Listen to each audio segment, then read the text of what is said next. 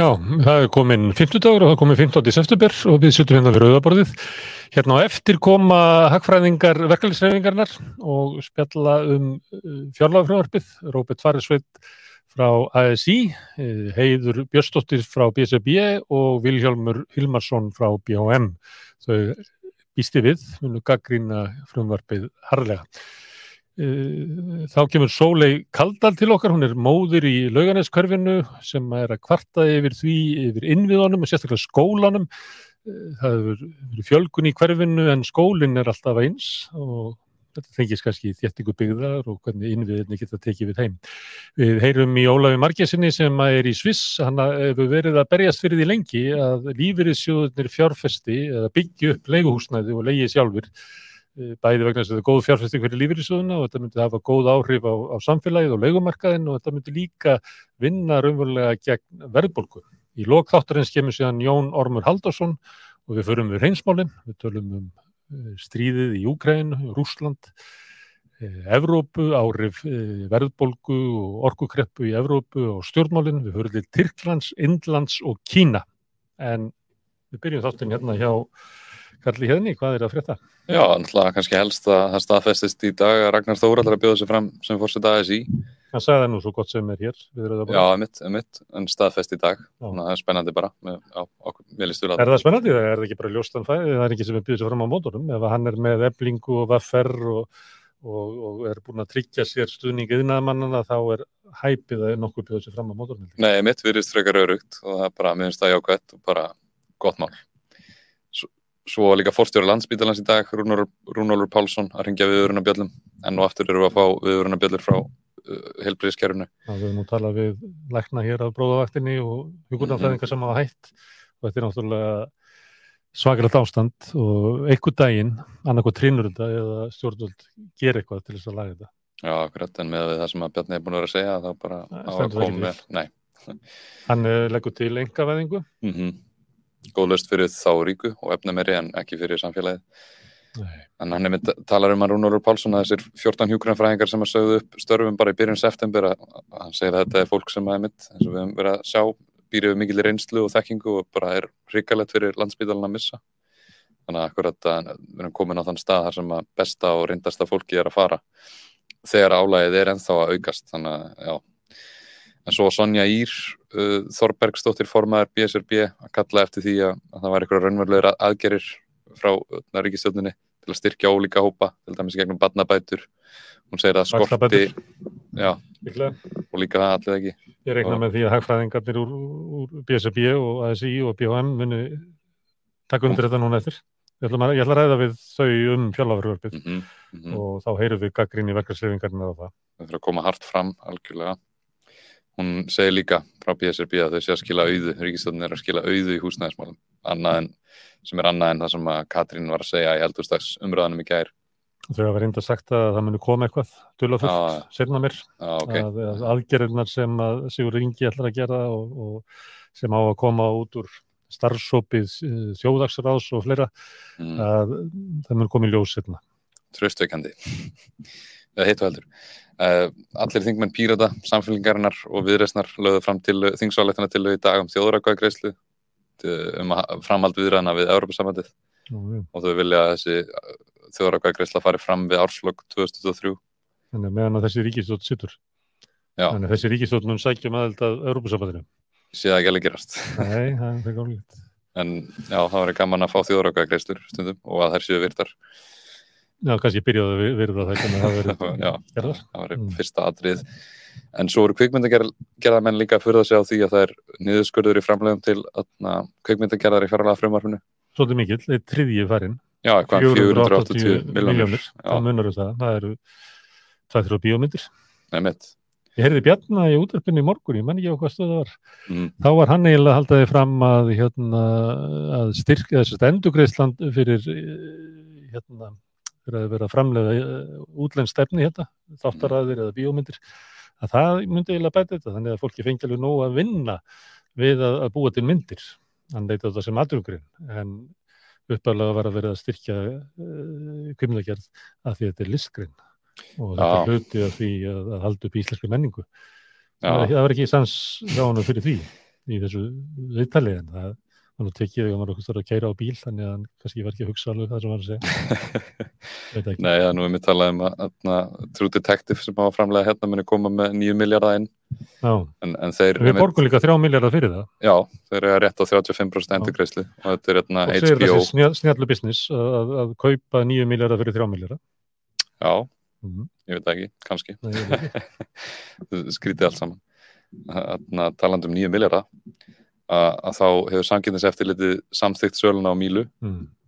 en kaupverðið er svolítið búið að lækka búið að lækka núna í 69,5 miljardar uh, Síminn fær greiða, greiða eitthvað 33 miljardar í, í reyði fyrir beinu hörðum peningum. Sem er alltaf að greiða hlutuðum sínum. Já, og, og áallaður hagnaður Símans sem er að tveimur þriði hluta í eigu lífyrirsjóðana er búin að lækka út af, út af þessum breytingum og samningnum áallaður hagnaður er búin að lækka frá 38 nei, frá 47 miljarum í 38 miljara sem eru með 9 miljara ég ætla ekki að krónum gráta það sko. Þetta er, uh, hluthafar Símans er uh, ganga fremst í því með hérna, hluthafana í kaupallinni að skræla fyrirtækið innan. Þeir hafa hérna, keift eigið bref þeir hafa borgað sér hérna, arð. Núna eru þeir að selja innviðin út úr félaginu til þess að geta greitt sér. Eftir mun standa bara einhver skél þetta er gamli landsýmin Mhm. sem var seldur hérna á síðan tíma fyrir, ég held að sé á nú verið svona um 150 miljardar en þegar Orri sem er núna fórsturi, Mhm. kifti hlut, ég manni að þetta endaði hjá KB þrótabúi KB banka að þá var metið að þetta væri svona 32 miljardar sem að væri virði það svo á núvirði þegar hann kifti þannig að þessi hlutafur er að græða óheirilega mikla peninga Mhm. og raunverulega eru þeir ekki að gera neitt sko nema þeir eru bara að skræla þetta fyrirtæki innan þetta er, þetta er, þetta er gríðarlega Nema núna, núna er það að skræla hana að, inn- að innan fyrir enn minni pening Ha? þeir eru að skræla, hana innan fyrir 9 miljardar minna en Nei, ég, ég Stóð græta fyrir. ekki þótt að þið fáið nýju miljón meira þeir eru búin að hérna, taka nógu mikla peninga út úr þessu akkurat og þetta er náttúrulega eitthvað sem þarf að fara að ræða um í samfélaginu. Við horfum á, á félögin í kaupallinni og tökum Mhm. samanlega hagnaði þeirra að þá eru 80% af hagnaðinum sem að hlutafinni taka. Það er alltaf verið að segja að við verðum að passa okkur að taka ekki ómikli fjármastökjuskatt eða eitthvað því að það muni draga úr fjárfestingu og öðru slíku í atvinnulífinu. En vandamálið eru náttúrulega eigendunir eru að, blóðmjólka þessi fyrirtæki mm algjörlega og síminn er og hlutahópur sem er kringum hann eru þeir sem hafa sko gengið lang lengst í þessu. Núna eru búin að selja innviðina af, af hérna Mílu sem eru bara innviðinni sem voru byggður upp í landsíman og þjóðinni þetta er bara það þjóðarig nú eru búin að selja það hvað til Fraklands yes, way, fyrir smá gróða. En svo, svo einn frétt að því vorum minna að tala um Suður Ameríku í gær og þá, þá var hátíðadagur í Nicaragua í gær sem að mér var svolítið merkilegur.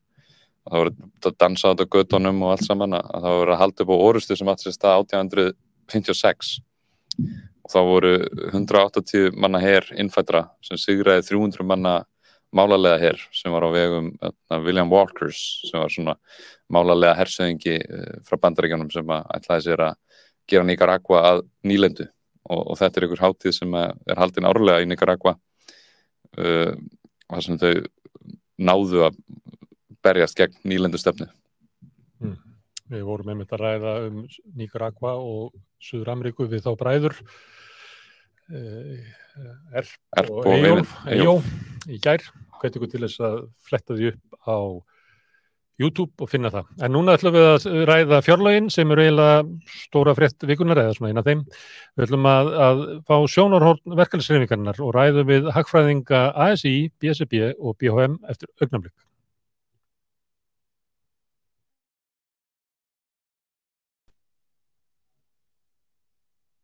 Já, þá við okkur að, að fjárlögunum og hinga eru kominir þrýr hagfræðingar sem að vinna hjá samtökum launafólks. Hérna er Róbert Farisveit sem er hagfræðingur Alþjóðsambands Íslands, Viljálmur Hilmarsson sem er hagfræðingur BHM, Bandalags Háskólamanna og Heiður M. Björstóttir sem er hagfræðingur hjá BSRB. Mér er öll velkomin. Hérna, fjárlögin er náttúrulega svona eina stóru fréttum eh, vikunar og það sem að mér langar að byrja á að spyrja ykkur, eh, ég má byrja þér Róbert, svona hvernig spila þessi fjárlög saman við uh, tilraunir eða aðgerðir selabákast til þess að, að, að berja niður verðbólgu og ná einhverjum stöðuleika í efnahagslífið? Já, þetta er góð spurning. Þannig eins og nefnir þá er þetta eina stóra áskorunum sem, sem e, byrtast í þessu fjárlegum er þetta vaksandi verðbólka og sama tíma þá er, er e, Sælabank Íslands að hækka vexti og reyna að draga úr spennu í hakkerinu. E, stefnumörkunin e, sem likur fyrir og, og þetta er, er sett í, í ramma í fjármála áallun sem er lögð fram síðasta vor er að stöðva hækkun skuldaluttalsins og þá að, að draga úr halla ríkisjóðs. E, þetta var svo sem tölvört rætt í heimsvaraldrinum meðal annars við, við þetta borð. Það er í raun og með hvað hætti það er gert, uh, hvort það er gert með aðgjörðum á tekjuleginni eða, eða með aðgjörðum á útgjaldaleginni. Mm. Uh, og það sem kannski byrtist í þessu fjárlagaröðarfi er, er kannski það sem allan að í það mista alþjóðsambandi varaði við að, að það er gert á með einhvers konar blöndu á niðurskurði og svo álögum á almenning. E, þannig að það er stefnumörkunni þá til að draga úr verðbólkunni sem byrtist í þessu fjárlagafröðan.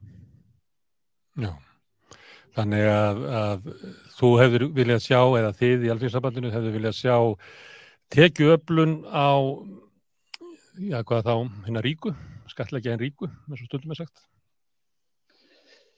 Já, engin spurning, það hefði verið hægt að fara, það er svo sem undir stjórnvöldu komið hvaða leið er valinn og á tekjulegin í þessu frumvarfi er farið í e, krónutölu göld e, á neyslu, það er verið að fara í ákveðin göld á, á bifræðar og, og, og rekstur á samgöngum, e, það er ekki verið að fara í aðgerðir sem kannski dreifa byrðunum jafnar, svo ertu þetta eins og þú nefnir, þá er Sælabankin að hækka vext á sama tíma og það hefur áhrif á heimilin. Við erum á sama tíma að sjá vakstabyrði heimila aukast, eh, húsalega er aukast, eh, neysluverði er að hækka, eh, þannig að það er einhver sem stjórnvöld gæti brúðist við með fastari hætti, eins og í gegnum útgjöld og tilfærsleikerfin. Mm.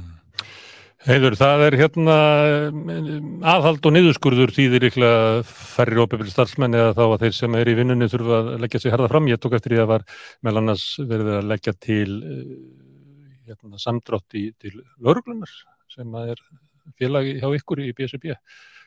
Hvað er þetta að lesa eitthvað slíkt út úr fjárlagafröðurfinu? Hvernig óbefili starfsmenn munu hafa það á næsta ári? Já, það er kannski vantar aðeins inn á skýringarnar með uh, breytingunum á fjárvitingunum sem að lagðar eru fram. Uh, þú nefnir laurugluna og þar eru uh, tilgreindar skýringar sem að kannski varpa ekki fullri ljóti á myndina en varðandi ofnbjörn starfsmenn þá má líka nefna að uh, stóru velferðarkerfin okkar og að eh, eins og til dæmis tökum sjúkrafstjónustuna og, og sérhafa sjúkrafstjónustu þar sem er raun niðurskurður á milli ára þrátt fyrir að megin markmið ríkistjórnarinnar sem sett var fram í, í fjármála áallun sem þetta uh, frumar byggir á var að ebla mönnun innan heilbriðstjónustunar og það þurfti fleiri heilbriðsmænta starfsmenn Uh, það er engin aðgerð kynnt sem að uh, vinnur af því markmiði þannig að þetta er svolítið svona það er ákveðin tvískinnungur þar. Uh, ég held að við þurfum að fá frekari skýringar eins og á breytingum hjá eins og þú nefndir löggjastlu og, og, og fleiri málflokkum þar. Ég vil samt líka taka undir með því sem að Róbert var að segja að það er uh, búið að veikja í rauninni uh, ríksjóð og tekið öflunni kerfi hans með þeim hætti værið ósjálfbært uh, fyrir COVID og nú eins og kemur í fram í grein formans BSB sem byrtist núna í dag að þá í rauninni blasir við tvítatöfum veruleiki. Þar annars vegar fólki sem að þrengir að og fólki sem að hefur það betur og uh, ríkistjórn stóð fram fyrir því að geta uh, jafnað aðstöðumun þessar tvekja hópa og gera það ekki í staðin fyrir uh, lagðar á uh, almennar hækkanir á gjöldum og sköttum og finnst sérstaklega áhugavert að Já og það kemur reyndar fram að uh, það, þetta sé verðbólgu hvetjandi þessar aðgerir og munilega til að hæri verðbólgu á næsta ári og svo finnst mér þessi áherslu til dæmis að ramaspíla mjög áhugaverðna í ljóti líka uh, lofslagsmark með ríkistjórnarinnar og í fjárlagfrumvarpinu er verið að eigða tæpu miljardi í að kaupa lósunarheimildir af því að við erum ekki að standa við Kyoto samningin sem var undir þetta, eða við fullgildum fyrir 20 árum síðan og var algjörlega fyrir séð En hins vegar þá uh, hnjótu við líka um uh, rauninni sko áherslunar og, og framsetninguna því. Það eru fjallað um hagkerfið í heild og hagvöxt og, og hversu í rauninni gott við hefum að hafa fegra tölur sem að uh, við hefum sapnað saman og rannsóknir sína að endur spekla alls ekki hag allra. Og það var þannig að um, þrýðungu launafólks í aðaldafélagum BSB og ASI átti erfitt með að ná endum saman í áslug 2021 og uh, kaupmáttur launa er búin að lækka um 4,2% það sem aður árinu 2022 vextir eru búinir að hækka og það þýðir ekki að fjallum hvað allt var gott einsinni, við þurfum líka að horfast í augu við stöðuna eins og hún er í dag og uh, taka á henni eins og hún er í dag. Og þá er það náttúrulega líka þannig að það eru hérna þrjár undirstöðu stóðir atvinnlífsins sem hafa sjaldan, uh, hefur sjaldan gengið betur sem er auðvitað ánægi efni en það er náttúrulega líka möguleikar þar á því að nýta þá í rauninu góðu þróun til þess að jafna þennan aðstöðumun á milli þá launafólks og þeirra sem eiga fjármagnir. Mm. Viljálmur, er þetta ekki þannig að nú er sagt í kynningunni og í fjárlónum eða sagt að, að COVID-aðgerðin eru búnar, það eru ekki inn á næsta ári. Samt er þarna næstu í 90 miljardar halli sem að hérna á eftir að fylla, þú veist, þótt að það sé ekki gert núna að einhver tíma þá þarf annarkort að afla tekna upp í þetta eða skera ríki niður til þess að, að komi. Þetta er einhver möguleiki á því að, að hérna, hvað er að kalla það, að að, að hagkerfið vaksu upp í þetta og skilja allt í ennum meiri skattekjum til þess að fylla upp í þetta, ég er ekki gott að fólk trúi því. En hvað, eh, er þetta ekki eitthvað sem að, að stjórnvöld verða að taka afstöðu til, hvað ætlaði að gera við þetta? Því að, að nú er, er ekki vextagjöldin orðin þriðji eða fjóruði staðsti útveldanöður Ríkisjós. Mm -hmm. Sko, við höfum verið uh, jafnvel, um, sko, aftráttuleysar í að gaggrina þennan undirlíkjandi ákomahalla heldur en önnur samtök á samtök launafólks á markanum. Uh, við höfum bent á það núna nokkur ár hefur verið töluverður undirlíkjandi ákomahalli á reksti ríkisjós og ríkisjónin veriðist ekki vilja horfa í augu við þann vanda og það, það er alltaf skín í gegn í kynningur á þeirra uh, á, á slæðu þar sem kemur fram að uh, sölu andverði Íslandsbanka stendur undir öllum fjárfestingum árunni 2023. Þannig að það er einskiptisliður sem stendur undir fjárfestingunum. En til lengri tíma er, eh, er eh, velferðarkerfið vannfjármagnað í gegnum hennar undirlíkjandi ákoma halla og þessi ríkistjórn virðist ekki vilja rétta af þann halla til dæmis með uh, auk, aukinni skattakningu á, á fjármagn og annað. Og þetta finnst okkur mjög bagalegt og sérstaklega í ljósi þess að við erum að sjá stórar útflutningsgreinar eins og til dæmi sjárótvegin uh, vera að skila líklega sögulegum hagnaði á, á þessu ári. Á sama tíma á ráðstöfunar tekjur launafólks er að draga saman á raunvirði á hraða sem við höfum ekki séð í langa tíma. Þannig að þetta er alltaf öfusnúið og okkur finnst svona ríkistjóðinu þurfa aðeins að svara fyrir kannski þetta óreittlæti að svömmum leiti sem að byrtist þannig í frumvarpunum Mm. En nú er stundu sagt, Viljón, að þeirra verið að tala um að skatleggja útgerðin okkar fleira og þá er sagt eitthvað svo, já það er, kannski breytir ekki svo miklu gott að þessu sóttir hérna nýju eða tíu miljardar viðbútt. Eru þið að halda þið fram í BHM að það sé hægt að fylla 90 miljardarna með hérna skatt á, eða hækkun veiðigjaldar, orkuskatt á alverinn, bankaskatt á, á, á hérna fjármálalífið eignaskatt á þá sem að hagnuðust í eignabólunni sem að var hér í COVID. Er þetta fyllit upp með skattitu? Um, það er ólíklegt að þetta tökur til en þetta snýst á endanum bara um að byrjunum sé jafna, þetta snýst bara um réttlægt á endanum og þannig horfum við á þetta. En við höfum svo sem ekki metið að nákvæmlega hvað þarf til. Og kannski bara til þess að taka það fram við erum ekki bandalag sem að er endilega að tala fyrir skiljuslösi skattaklingu, við viljum að skattar séu lámarkaðir en það þarf bara hins vegar að afla 30-40% landsframvistunni til þess að standa undir velferðarkerunum og það er ekki gert núna. og það er ekki gert núna. Og það er ekki gert núna. Nei, það er ekki gert núna hmm. uh, Robert hérna þetta er svona eh, en varðandi nú er uh, kaupmáttur að rýrna út af hérna, verðbólgu og sérstaklega út af aukinni húsnæðiskostnaði auknum húsnæðiskostnaði, bæði þeirra sem er að kaupa og kannski, það er ekki kannski sínilegt ennþá að, að þessi sambarlega hækkuni á þeim sem er að leia en það geti orðið þannig að þeirra, þeirra lána kostnaður leigutakka vex að það leiði út í hækkun á húsalegu. Serðu aðgerði til þess að mæta þessu? Svipað og við verum að sjá kannski viða í Evrópu þar sem að ríkistjónir eru að senda frá sér svona pakka til þess að mæta hækkun orkuvers?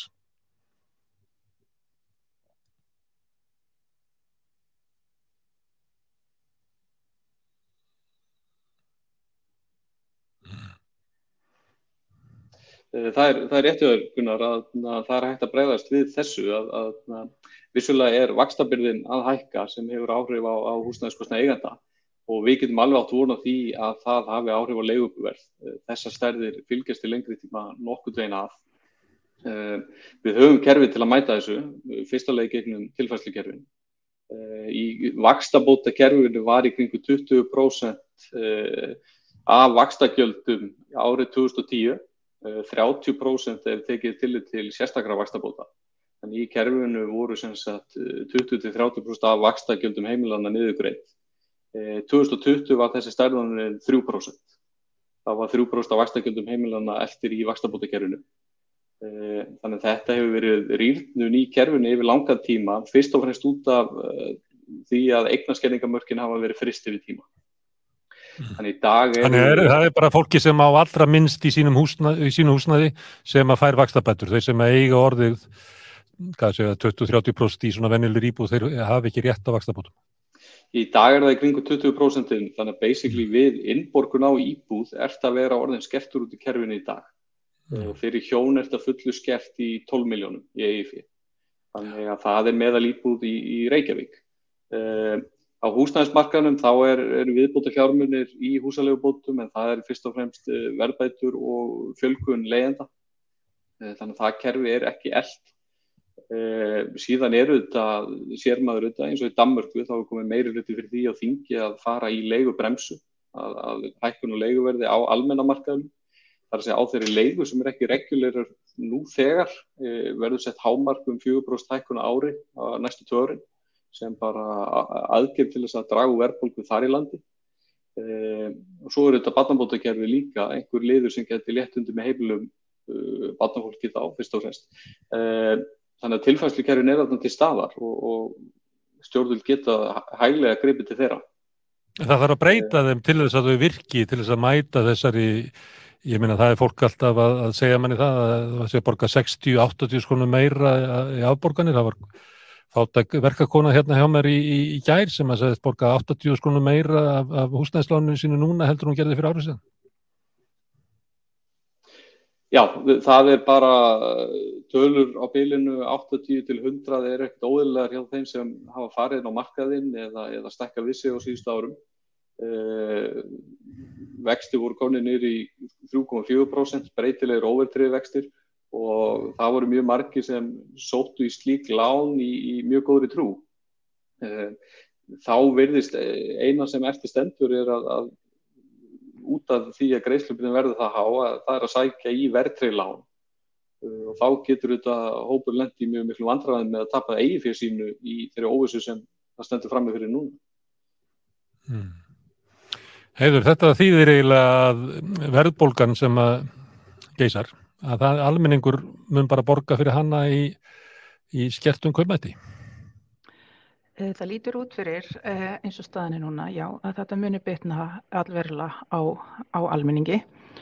Og eins og Róbert kom inn á með tilfæslukerfin og svo líka Vilhelmur vandi réttlæti þá er ákveðin vonbriði að þetta skildi ekki að vera ávarpað með skýrið hætti í fjárlöganum eh, enda voru þá eru þar tæki til staðar til þess að gera það. Og mér langar að kannski bæta við uh, varðandi húsnæðismarkaðin þá er í rauninni afborgani, húsnæðismarkaðin er búin að hækka gríðala undanferðin uh, ár en í COVID þá kannski var leigumarkaðin aðeins hægari heldur en heldur en verið hafði og það skýrst kannski líka til af færi ferðamönnum og öðru slíku og þannig að það er náttúrulega hægt á að leiguverði fari líka að fara á stað bara vegna aukinar eftirspurnar á næstunni. Þannig að hérna, já, það eru, það eru ákveðin vonbriði að, að það skildi því að það eru möguleikar á að bæta stöðuna og það var, jú, jú, það voru ákveðnar aðgerðir skrifuða til í mæ, staðan er búin að breytast hratt og uh,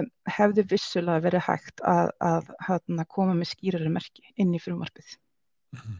Uh, Almenni markaðurinn hann er að, að það eru samningar lausir þar. Hva, hvað er, hver er staðan hjá ykkur í BSB? Eh, það eru einstakar samningar sem eru lausir núna fyrir áramót en annars er það uh, á fyrsta ásfjörðungi, þá í lóks mm. fyrsta ásfjörðungs á næsta ári sem að flesti samningur losna. Og, og það er enn lengra í ykkur í BOM, svona staðstu leitið ekki, Viljámur? Um, nei, það er á sama tíma, það er semst í lók fyrsta ásfjörðungs 2023. Já, hann er að, að ykkar samtök eru bara öll að fara að sækja sækja þessa kjararýrnun í hækkun launa? Já, hækkun launa og við munum visslega líka setja ákveðan kröfur á stjórnvöld, það er eftir að fara ímsa leiðir því að á sama tíma þá, þá er verðbólgan svona sameiluður ofunur okkar. En, en, en svo er þetta með tengst launa og verðbólgu, það er okkur endalust talið trúum að þau séu fullkominn, það er bara ekki þannig. Við erum ekki að sjá uh, sjá það til dæmi síðustu ár að, að fylgnámi til launahækana og, og verðlasækana sé, sé tiltvöldað sterk sko. Það þarf líka bara við höfum kallað eftir því frá öllum aðilum, hagstunaraðilum að, að þessi talað um ábyrð fyrirtækja á verðbólkunni, bara ekki um fákeppni, uh, hækkandi arsemiskröfu og annað. Þannig við munum bara ávarpa mjög margar hluti í þessum kjærasæningum, ekki bara launalið. Mm. Ég tók dæmi af uh, henni Barbaru sem var hérna hjá mér í gær sem að uh, fengið 80.000 krónar hækkun á, á afborganir af, af húsinu 80% launahækkun til fólksins á legstu laununum það er kannski ekki uh, það er kannski ekki þetta, maður getur ekki spáð því að það gangi í gegn. Hvaða, hvaða ráður önnur að, að gera kröfur um að vakstabóta kerfi verði virt, að, að, að skattar á lægstu tekju verði lækkaðir, hvaða, ef við förum eitt ring á því, byrjum á þér Róbert, hvaða tæki er það sem við höfum til þess að mæta þessur í verðbólgu og kaupandarauðvitun í samningum? Já, það er eins og þú nefnir, menn að það, það fyrir það fyrsta þá, þá standa til dæmis útflutningsgreðinarnar okkar gríðarlega vel uh, og til viðbótu við þetta þar hafa verið mikil framlegin aukning, þá þetta, hefur verið gríðarlega viðskipt að gera bati sem, sem verkefælisfélagin uh, horfa til uh, að þar sé sögrún til launækana. Uh, Samkefnistaðin er góð, þannig að það hefur líka áhrif. Hvað hefur ofinbæra getur komið fram með þá, þá er það aðgerðið sem, sem bæta lífskjörin, sem bæta kaupmáttin sem þau geta ráðast í.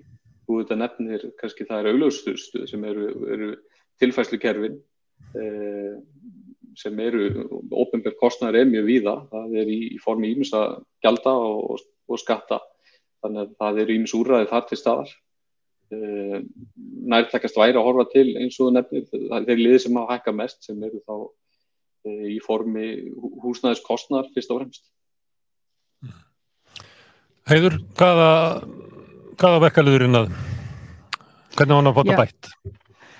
Eh, í fyrsta legi þá er í umræðinni búið að hana, leggja miklu áherslu á að uh, við stöndum í söll saman og allir vera sína ábyrð og uh, það er bara verðt að ítrykka það að það þurfa allir að sína ábyrð og þá þurfa allir að taka þátt og leggja sitt á mörgum ef við ætlum að gera þetta í raun og veru saman en ekki bara launafólkið. Þannig að það þarf að vera ákveðin samábyrð og það þarf að vera samábyrð í hækkunum og verðlægi fyrirtækja eh, ekki, eh, útflutningsgreinarnar eru eitt en það hefur mikið arður hjá og hagnaður hjá mörgum fyrirtækjum þannig að uh, það, uh, hækkun verðlags uh, er ekki að bytna eins og staðan er núna á afkom þar. Um, það eru tilfæslukerfin auðvitað, það er hægt að beita þeim með betri hætti og þá að styrkja tekistofnana á móti svo að þeir geti staðið undir bættum tilfæslukerfum og það er rauninni tek, teknar út uh, fjárveitingar fyrir almennum íbúðum í frumvarpinu eins og þeir í dag þrátt fyrir áherslu um uppbyggingu á almennum íbúðum á næstu árum. Uh, uh, hins vegar eins og ef við tökum tölum vak vakstabótakerfi þá er rauninni búið að afnema það á nokkur samtals við launafólk í landinu. Þannig ef við viljum hafa vakstabótakerfi áfram þá þarf að styrkja það. Og það er náttúrulega þá að koma til móts við almenning uh, hvað varðar húsnæðiskostnar þá húsalegabætur af því að raunin svo ef við kíkir á eignir eftir tekjutíðendum þá eru þeir sem eru í lagstu fjórum tekjutíðendum eiga varla eignir þannig að það er fólk þá á legumarkaði þannig að það er ímislegt að þetta gera en það er ekki að það þurfa allir sannlega að vinna saman og það þarf að koma viðleikni úr öllum áttum mm. Vilhelmur, viltu betta þetta? Já, kannski aðeins varðandi sveirúmið þá bara sína hagtölu það að uh, sveirúmið til dæmis árum 2021 uh, til launahækana var, var uh, að meðaltælu á almennamarkunum meira en fyrir lífskjærasamningin. Launar hlutfall sem hlut, sem sagt laun sem hlutfall af verðmættsköpun uh, var læra hlutfall árið 2021 og við erum að fara að sjá árum 2022 öruglega ennþá meiri læknum hlutfallsins. Þannig út frá því uh, Eh, þeim mælikvært til skamstíma er mikil, er þó nokkuð sögurum á almennamarkaðum til að hækka laun mm. en þú nefnir með 80% og, og launalegriðingu 80.000? Já, 80.000 og mm. um, ef ég tala bara um ofnbæramarkaðin um, þá er hjá okkur og, og bara almennt mjög mikið af aðalega kvenlægum stjættum sem að bera upp í velfærakerfin og ég tala til dæmis bara eins og fyrir uh, Um, langskóla uh, gengna sérfræðinga í, í velferðarþjónustunni. Og þetta líka við bara fólk óha mentun sem er kerfisbundið vannmendið sem er að skapa verðmætt á umbramarkanum sem eru miklu hærra verðmættin á almennamarkanum heldur á launin sem við fá á umbra.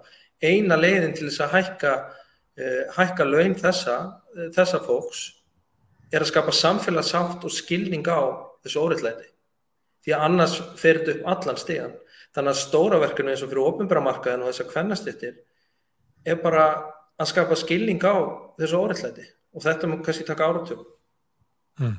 Það er eitthvað laun. Segði mér eitt svona bara rétt í lókin, má ekki líka eitthvað að vinna gegn þessu okri á Íslandi? Það er náttúrulega alveg stjórnlaust dýrt hérna allt verðlega áður en að sko verðbólka byrjaði áður en dýrtiðin byrjaði þá bara er það er allt svo fárálega dýrt á Íslandi. Hvað er ekki hægt að gera eitthvað í því? Kæru hagfræðingar. Jú, ég, á ég byrja. Já.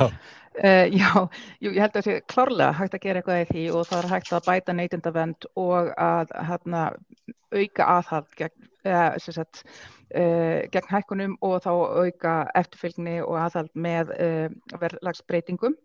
Og mér vil kannski bara vekja aðtikla á því að það var stofnað starfsópur hérna ekki fyrir löngu um breytingar á neytinda samkjöfnismálum og neytindamálum Uh, en hins vegar þá var enginn fulltrúi neytinda í þeim starfsópi þannig að ja, þarna, kon, það má greinlega bæta oft, samtalið. Já, er, við konumstu það að það eru settir á starfsópar um leigumarkaðin og það er engin leigjandi í þeim starfsópum Róbert, þú ert með verðlagseftirliti þarna hjá þeir í, í húsi Alþjóðsabassins er ekki komið tími til þess að gera verðlagseftir eh, bera saman verðið í bónus og síðan í verslunum bara í, í næstu löndum Jú, það hefur svo sem verið gert fyrir nokkrum árum en, en það er hár rétt hjá að samkeppnismáli skipt þetta bara gríðalögu máli. Við sjáum það að það sem er samkeppni á Íslandi, það er mun minni velastþrýstingur. Við sjáum þetta bara í undirluðum í vísutölu neysluverðs að það sem fákeppni til staðar þá er hækkurinn mun meiri. Og það er fákjafni eiginlega allstaðar á Íslandi. Það, er, það sagði mér ykkur að það var eiginlega bara markað með notaða bíla þar sem að væri svona frjálsverðlæning. Hitt væri allt mæri að minna stýrt og, og litaða fákjafni.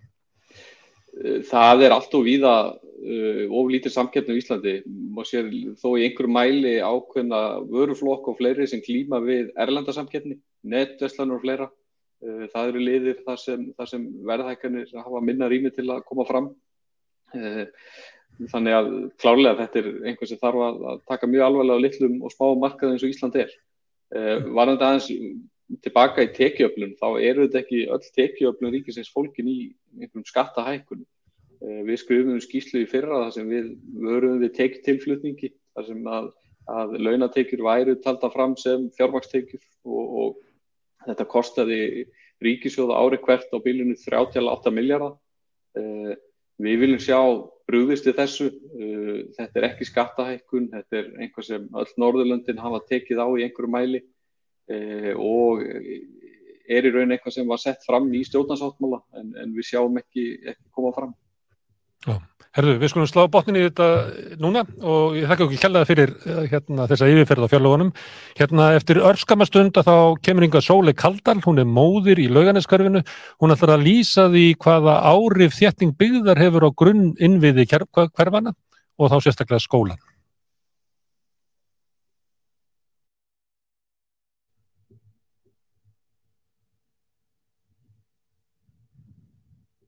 Já, hún er yngar komið, hún Sóli Kaldal sem að skrifa grein í, á vísi um uh, já, svona álag sem er á innviðum í laugarneskverjunum hún á börn þar í skóla í laugarneskóla og er eiginlega að skrifa um það að, að þétting byggðarleiði til þess að það sé mikið álagað og innviði sem að fyrir eru. Hérna getur líst þessu fyrir mér? Hvað, hvernig er ástandið í laugarneskóla?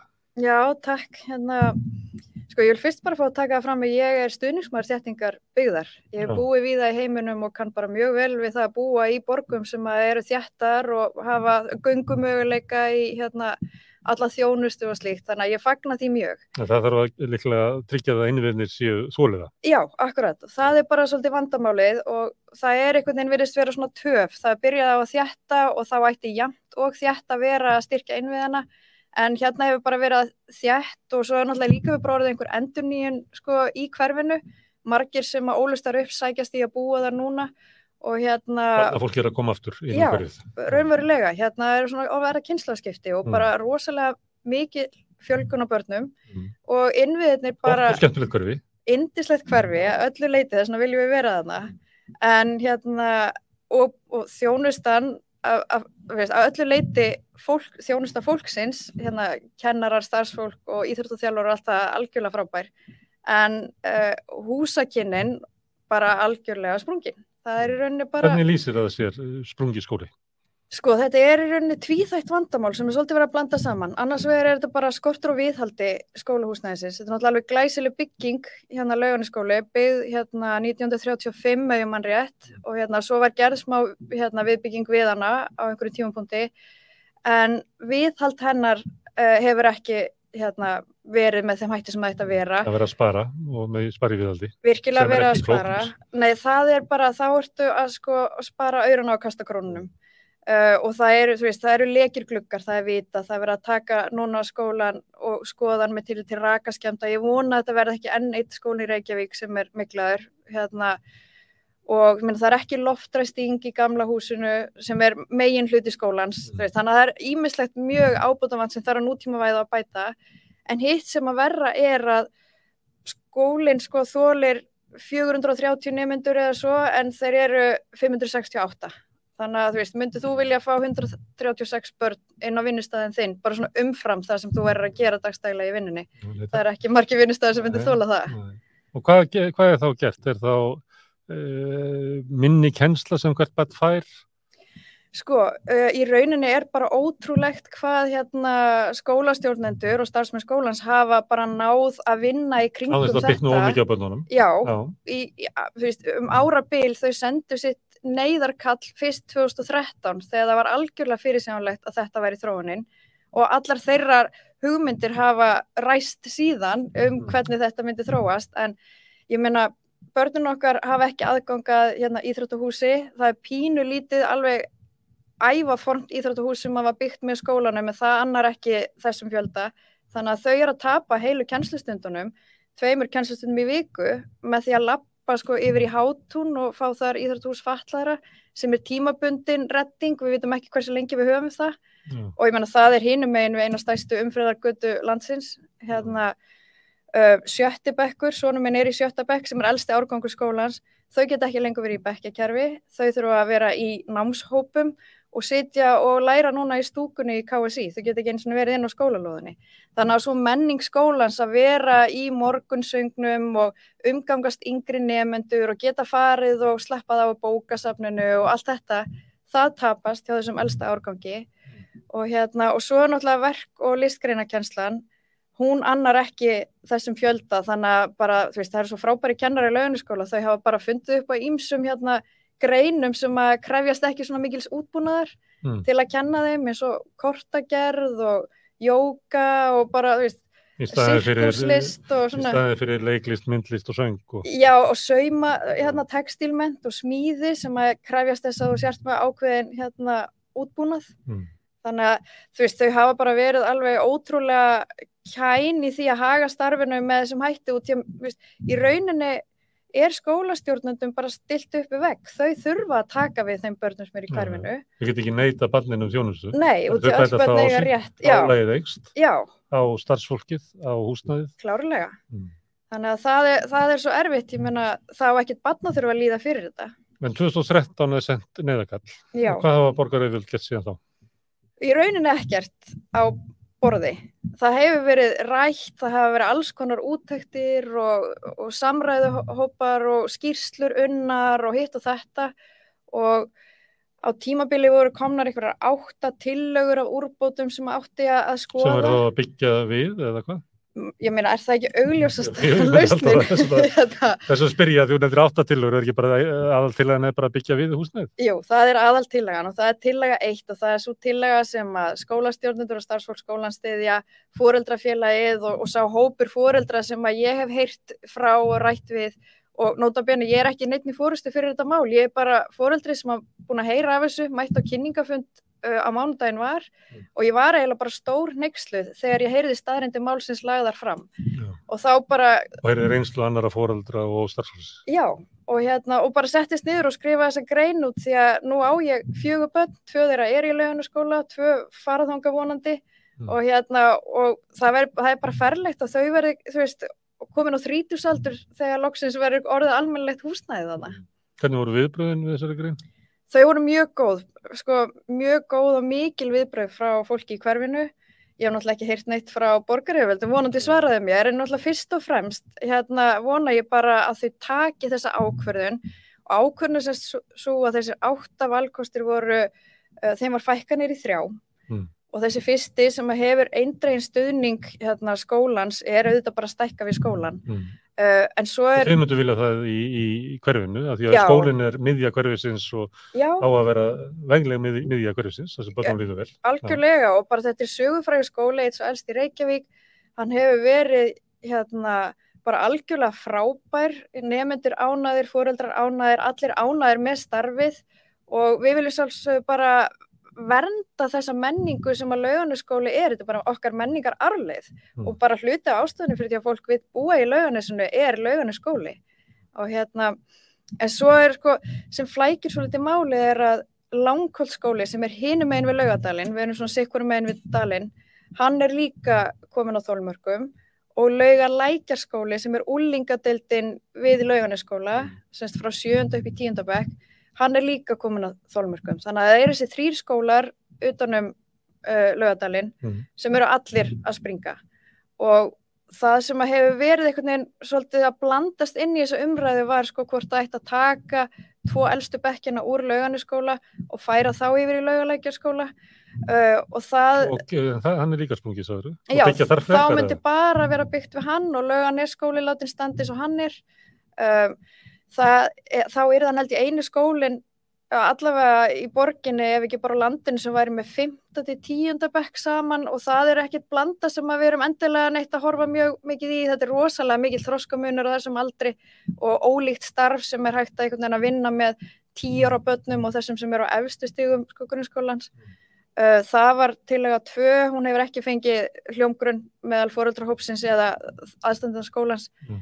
Uh, tilega þrjú var reynlega að þessir þrýr skólar eruðu bara fyrsti til sjöndubekkur og svo er þið byggður samskóli úlingadeildar einhver staðar annar staðar. Það tekur náttúrulega mjög langan tíma að byggja skóla frá grunni og svo er náttúrulega þarf að taka inn í myndina að þetta hverfi, að þessi hverfi er ekki samleikjandi, þau eru umhverfis laugadalinn, þannig að er mjög líklegt að sapskóli erði rosalega langt frá sumum nefnendum og, og nálagt hinnum og við vitum það alveg, við sem búum á þessu landa þá úlingar hafi gott að því að lappa og séu dugleir að gera það, þá eru alltaf dagar þar sem að það er verið að keira hérna þessi börn, já að vera að skvilla þeim. Og það eigur þá alveg svakalega umferðina um hverfið þar sem að litlu börnin okkar hinn er að reyna að lappa í sína skóla ef það eru þá bílar alveg hérna keirandi þvers og grus og fyrir utan það að þá myndi allt í einu sko lögunus og löguleika skólu verða sambarilegir grunnskólar og þá er það skipta því skólakverfi upp í tvent, mögulega um sundlega veg og það er mjög ólík byggðin sem einhver með með sundlega veg þannig að hún blandast skemmtilega í löganaskóla en er þið miklu einsleitari nefndahópur í hvorum skólanum fyrir sig. Svo stjættarlega eða? Mögulega á þann hátt, já. já. Og þið viljum hafa Við viljum blanda blandaðan líðræðislega skóla en ef fólk komi allstaðar á samfélaginu og eigi það gott samfélag. Já. Hérna, 2013 segir við og það, það sem liggur eftir það, það eru 2013, það eru nýju ár, Já. það er þessar hérna, konvinir og þrjár tilur og þú skrifa, fyrirsunin er einhvern veginn takkið ákvörðun Já. og þú upplifur þannig að það er bara eftir að taka ákvörðun og fara að gera eitthvað, það er nú komið nóg að því að tala Já.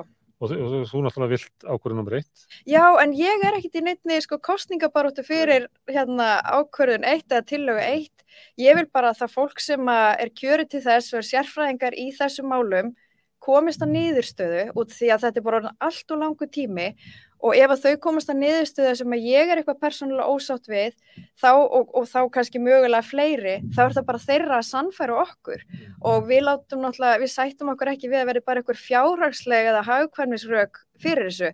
Ef, ef það var að brjóta upp skólastarf sem er með sko áratuga langa góða það var að brjóta þau upp þá þurfa að vera fyrir því sko kennslufræðileg rök, samfélagsleg rök borgarmenningarlega rauk, við látum ekki einhvern veginn kastin einhverju sprengju í skólastarfið nema þau bara virkilega þeim takist á að samfara okkur um að þetta sé bara til hagspóta fyrir börninu okkar. Mm. og það getur vel verið að þeim takist það en þau þurfa þá að vinna þá vinnu. Sundum við talað um þétting byggðu sem hluta af svona alþjóðleiri reyfingu sem ég held að sé kallað New Urbanism en í svo hugmyndum borgarskipla snýst einmitt um að byggja upp hverfin, gera þau öflug þannig að, að þannig þarf fólk síður að fara á millikverfa, síður að skvilla, mm -hmm. þannig að, að það, borgarífut ættu að vera ána með það að byggja upp lögnaskverfið. Algjörlega og ég menna og það tókst og hefur tekist mjög vel til og menna ég ólst sjálfu upp í hverfinu og það er hérna, þú veist, það er búið að hanna alla nýtingu innviðana mikið betur en var þá mm. en hérna, en svo bara kom að einhverjum þólmörkum sem að eiginlega má miða við að voru þarna 2013 mm. uh, veist, árið 2002 voru farnar í breytingar og skólastarfi, sjöndibekkur og fluttur úr laugunaskóla og yfir í laugalækjar. Það voru smá vakstarverki með því en, en það hefnaðist vel, hérna þá opnaðist húsnaði sem fósturskólinn hafði haft. Mm og hérna þannig að það er búið að endur hugsa þetta og eiginlega svona full nýta alla möguleika sem hverfið hefur en svo bara kemur að þólmörkum og þá fer bara einhvern veginn að kokka upp úr pottinum sko. Já, og það þarf að byggja. Já, að ég menna það þarf að byggja, ég menna frístundin okkar, þessi sko börnin okkar er í skúrum á frístundaheimilum út á lóðinni í fyrsta og öðrum bekk og svo þurfa þau að lappa sko allalegðinni gegnum laugadalinn og eili nánast upp að langkvöldskóla í þriði og fjórða bekk og það er lengri leið að lappa en hérna frá hlemmi og nýra á lækjartorg. Þau fá rútu, vissulega geta fengið rútu en þetta er bara óþarfa þvælingur. Leikskólanir? Þeir eru líka sprungnir. Uh. Já, ég meina, það búið að standa til í langan tíma að stækka leikskólan HOF sem er deilir lóðinni með hérna lögnaskóla ég veit ekki á hverju það strandar uh, lauga sól sem er hinn stóri leikskólinn sem er við hliðan og lauga lækjarskóla uh, þar eru komin upp miklu vandamál börnin þaðan voru flutt ykkurt í kringluna í húsnæði það var allt í hérna einhverju upplaust þar og ég menna mín börn sem eru komin vel og annað ár þau fá ekkert leikskólaplás í hverfinu, ég þarf að keira út fyrir hverfi til að fá leikskóla fyrir þau mm.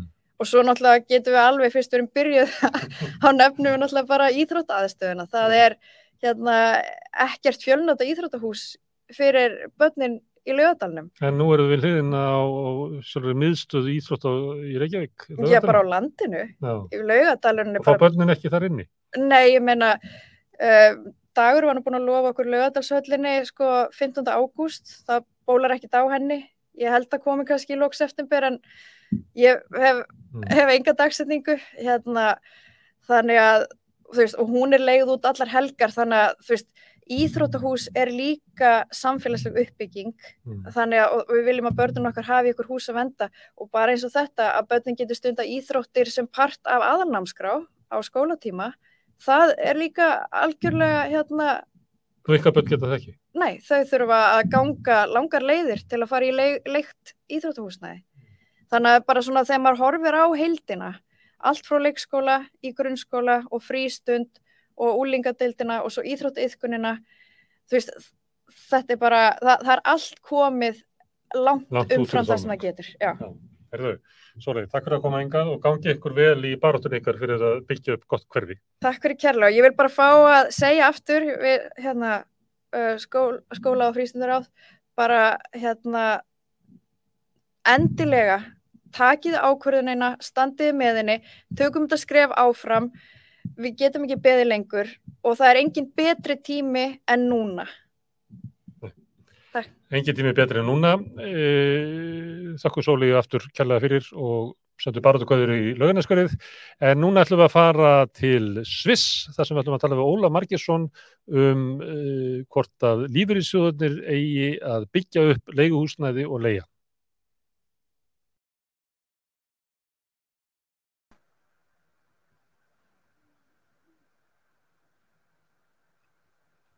Já, heyrðu, þá ætlum við að ræða um, um húsnæðiskreppuna á Íslandi og hvort að lífeyriðsjóðunni séu lusn á því. Ólafur Margesson er hagfræðingur sem að býr í Sviss og hann hefur í mörg ár verið að, að já, ég, ég vil ekki ekki segja berjast fyrir því, en verið að benda á það að, að það sé mjög gott fyrir lífeyriðsjóðuna, gott fyrir samfélagið, ef að lífeyriðsjóðunni tækju að sér uh, húsnæðisuppbyggingu á Íslandi. Það er svo, Ólafur Markísson. Ég myndi halda því fram, nákvæmlega. Já. Af hverju? Reyndu nú að samfæra mig. Það er út af mörgum þáttum, raun og reynd. Það eru, um, fyrst og fremst er það náttúrulega fyrir sjóðfélagana sjálfa. Þetta væri sagt, jákvægt út frá áhættu leiðréttri ávöxtunum fyrir lífeyrisjóðana og sagt, sjóðfélaga Áhættu leiðrétt ávöxtum, hvað þýðir það? Það er einfallega þannig að þá voru að taka tillit til áhættunar sem fjárfestar eða sem lífverðisjóður eru að taka uh, þegar þeir eru að fjárfesta.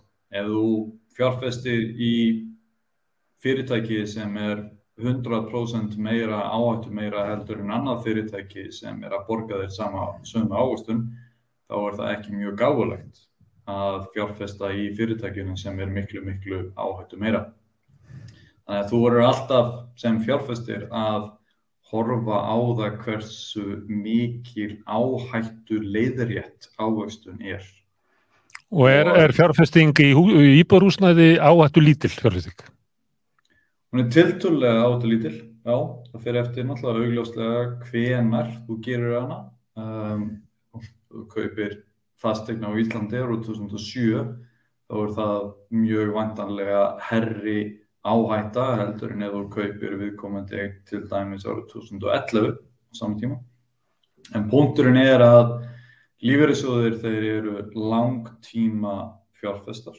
Þeir eru að leita eftir ávöxtun í til dæmis fjármögnunarverkefnum sem taka mörg ár vegna þess að þeir verða að borga út lífeyri eftir mörg ár og í mörg ár.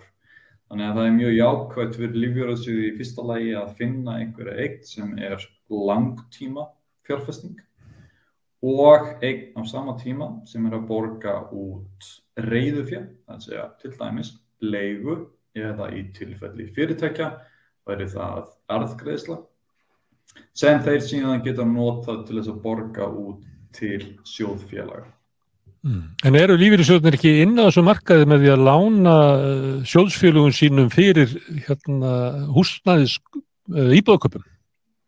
Það er hluti af því, nákvæmlega. Uh, það eru, sem sagt, á sama tíma getur líka sagt að lífyrirsjóðir þeir eru í því að taka þátt í sagt, þeim markaði sem er opinn fyrir fjárfestingum í fyrirtækjum vegna þess að lífyrirsjóður þeir lána líka til fyrirtækja.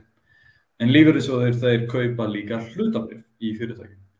Og punkturinn hjá mér er einfallega sá að alveg eins og lífyrirsjóður eru að kaupa hlutabrif í fyrirtækjum, þá ættu þeir að kaupa fastegnir til þess að lána, uh, fyrirgjöð til þess að leia þeir út á nákvæmlega sama hátt og eins og þeir eru að lána sjóðfélögum eða fyrirtækjum til þess að fjárfesta í hverju, því sem þeir vilja.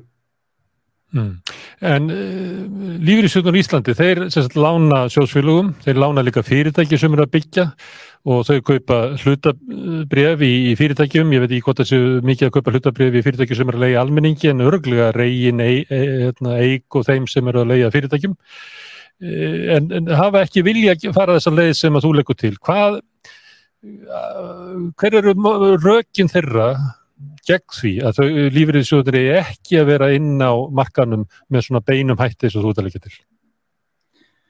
Ég hef ekki fundið þess að ég hef ekki heyrt neins sérstök rök frá þeim varandi það af hverju þeir ættu ekki vera þar. Um, ég rekna með því að ég svona já, get mér til um það að ástæðan fyrir því að meðan að svo að það er erfiðara, það er, þetta er, þetta er sem sagt, og nú ætlum ég að verði að lefa mér að sletta því miður, þetta er operationally öðruvísi heldur en að lána sjóðfélaga til þess að kaupa eign. Þannig að þú, þú sem leigusali, þú verður að taka ábyrð á íbúðinni eða eigninni, hvort sem það er blokk sem með kannski 5 eða 10 eða 20 íbúðum, eða hvort þetta sé bara einn ein föld íbúð.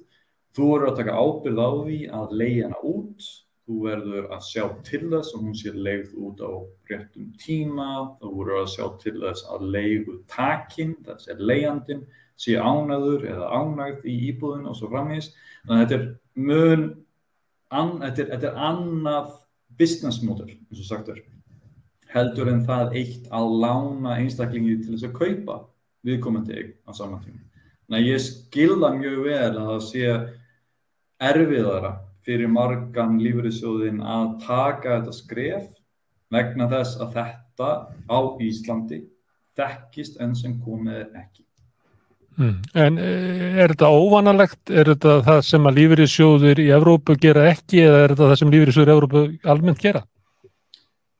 Margir gera það. Um, Sviss er augljósast að dæmið.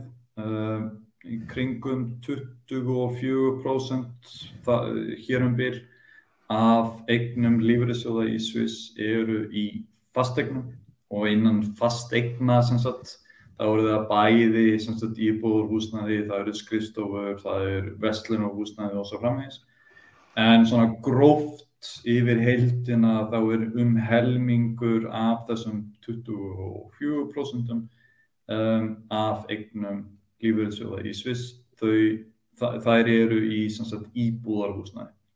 Já, við heldum sem með Súluritt sem að, að hérna, þú eru byrt eitthvað þar, það sem að sínir egnir eh, svisneska lífverðsjóða, þetta eru skipt eftir hérna, 2016, 17, 18, 19 og 20 og það er súla, grái hluti súluna að þú ert að ræða, ræða um sem að sveiplast þarna frá 2,5% upp í 24,4%. Inn í þessu eru, eru öll lán til fastegna, þannig að þetta væri, á Íslandi væri þarna inni lán til sjóðsfélaga, uh, lán til fyrirtæki sem eru að byggja eða er þetta bara sá hluti sem að, að sjóðunir eru með í svona, hvað við segja, þá eigin rekstri? Þetta er bara sá hluti sem sjóðurnir eru með í beinum eignum varðandi það að kaupa og eiga e, íbúðaregnir. Íbúðalán er ekki innifallið í þessu. Þú sérður reyndar íbúðalána súluna, það er sem sagt þessi örþunna skífa sem er næst efst. Efsta skífan er uh, það er sem sagt aðrar uh, fjárfestingar eins og til dæmis vogunarsjóður og slikt. Þetta er svo lítið að það mun engin sjá þetta nema eitthvað sem er að horfa á þetta á einhverjum flenni skjá sem að mun sjá. Þetta er örðun blá lína sem er þarna efst sem að engin mun ekki að sjá. Já og sem sagt punkturinn er rauninni að uh, sem sagt takkið líka sérstaklega eftir því að sagt, þessi, þessi eignan hluti hann er, hann er tilturlega stöður. Hann er í kringum þessi 22 kannski upp í 25%. Uh, auðvitað er mismunur á því um hvaða lífuriðsjóð þú ert að tala, það getur farið nýri í kannski 5%, það getur farið upp í 30% sem dæmi, en til langstíma þess að það er hefð fyrir því og það er, það er góð þekking fyrir því hér í Sviss að lífuriðsjóðir og aðrir sagt, stórir fjárfestar, þeir eigi íbúðir og aðrar fastegnir til þess að leia þær út. Og elsti sem dæmi það er, það er sjóður sem, sem sagt, er hægt að kaupa í það er að segja fjárfestingarsjóður sem er hægt að kaupa í. Og hann byrjaði að kaupa íbúðir árið 1938 og þessar íbúðir eru enda í eigu viðkomandi sjós eða í eigu fyrirrænara þessara sjós En 25% af eignum íslenska lífeyrissjóða er alveg rosalega há uppæð. Þannig að, en þú ert að segja að þetta hafi byrjað 38 eða eitthvað, þannig að þetta myndi byggjast upp í það á einhverjum tíma verða svona 2000 miljardar sem að, að lífeyrissjóðun rættu í íbúrhúsnaði. Er það eitthvað tala sem að þú segi fyrir þeir í, í, í framtíðinni? Í framtíðinni það getur margt, gerst. Um, ég, ég reikna ekki með því að þessi tala hún náist innan 5 ára. Mjög ólíklega innan 10 ára, kannski innan 20 ára, ef vilja er fyrir því á annar borð. En ef við myndum leggja staða þá verður það að tala um kannski e, svona þína tilugur er eiginlega þarna verður umtalsverður uppæðir sem að fari inn á markaðin. Ég er ekki að leggja til þess Nei. að lífærisjóðir setju 25% af sínum eignum inn í íbúðarhúsnaði á Íslandi. Ég er að leggja til þess að lífærisjóðir setju eitthvað af sínum eignum inn í leiguhúsnaði á, íbúð, á íbúðum á Íslandi. Hvort að það sé 3% eða 5% eða 30% það fyrir eftir við komum til lífærisjóði og þessir lífærisjóðir einfallega verða að taka ákvörðunum um það sjálfur. Hmm. En þá þurfa þeir umverulega að stopna fyrirtæki, þeir þurfa að stopna leigufyrirtæki eh, sem er kannski óvanalegt fyrir íslenska lífriðsjóði. Þeir eru bara að styðja þá sem eru korsið meir í einhverjum business eða gera eitthvað. Það er svona eh, kannski líkast því þeir tóku yfir egnir eftir hrun, það sem er bygguð til fyrirtæki til þess að reka þeir og gera eitthvað verðmætt út úr til dæmis Æslandi er og fleira. Þannig að þetta er svolítið breyting. Já, sko, það er mikilvægt að sjá því að lífverðisjóðir væru frekar í því að byggja til þess að leia út.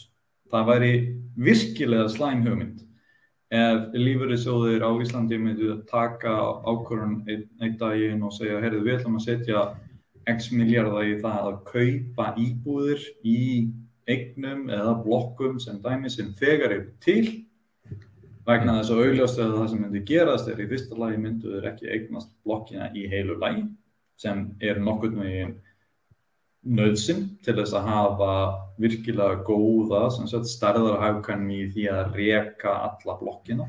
Og í öðru lagi myndi slíkt leiða til þess að fastegna verð á Íslandi myndi að hækka miklu meira heldur en það nú þegar hefur gert eins og við höfum síðan þegar það er eftirspurt eftir gömlum eignum að þá sprengist upp uh, uh, sprengir það upp eignaverðið.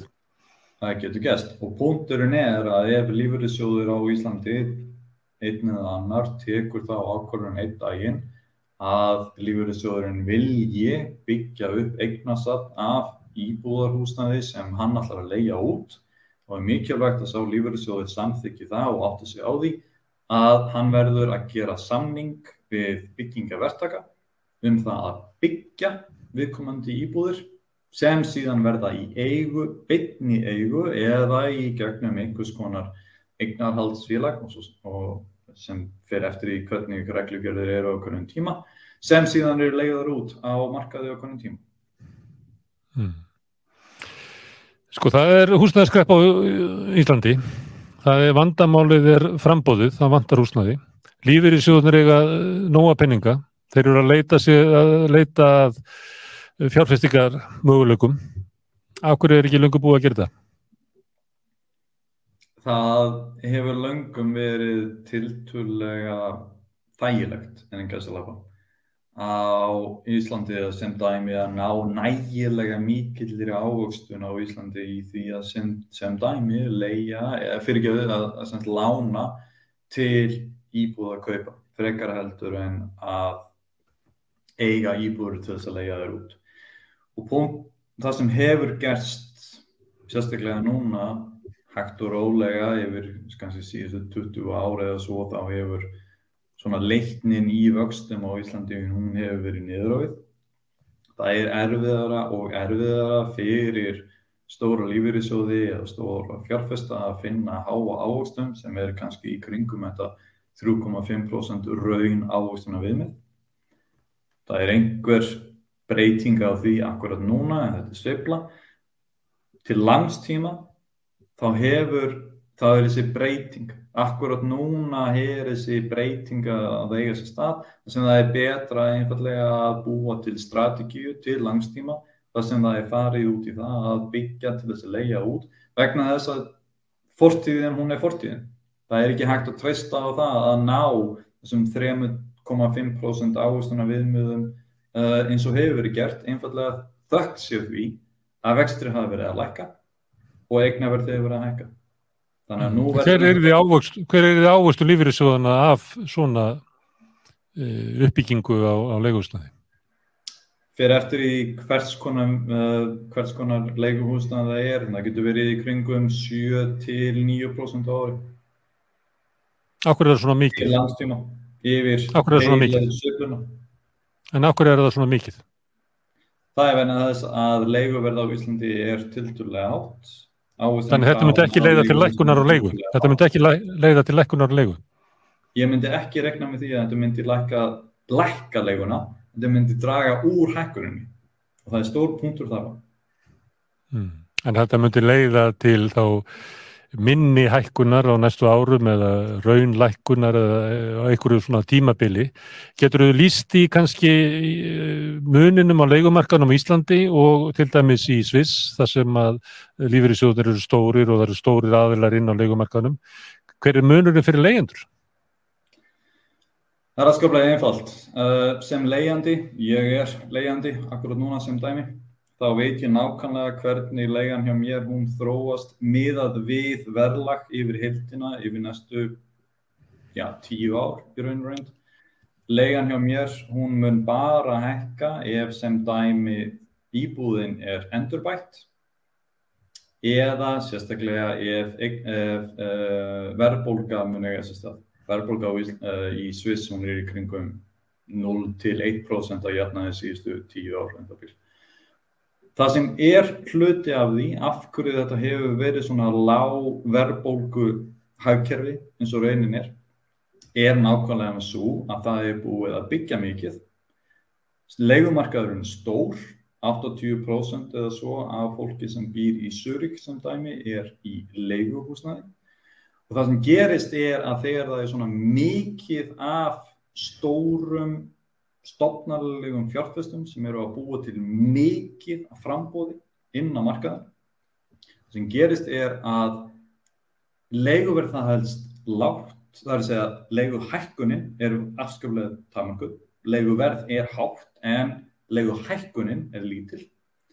Þegar leiguhækkunin er lítill þá er lítill þrýstingur á sem dæmi nafnlaunahækkanir, þrýstingurinn á raunlaunahækkanir eru nokkurnu eins og sami Þegar þrýstingurinn á nafnlaunahækkanir er lítill, þá mun kostnaði fyrirtækja við það að ráða fólk, hann mun hækka lítill, sem leiðir til lítill að vera fólk. Punkturinn á Íslandi er að það vantar að draga úr leiguverðs hækkuninni á hverju ári til þess að sjá til þess að fólk það geti verið í örugur leiguhúsnaði til langs tíma sem síðan á sama tíma dregur úr nafnlaunahækkanarkröfunum á Íslandi sem síðan leiði til þess að verðbólka á Íslandi um verður minni.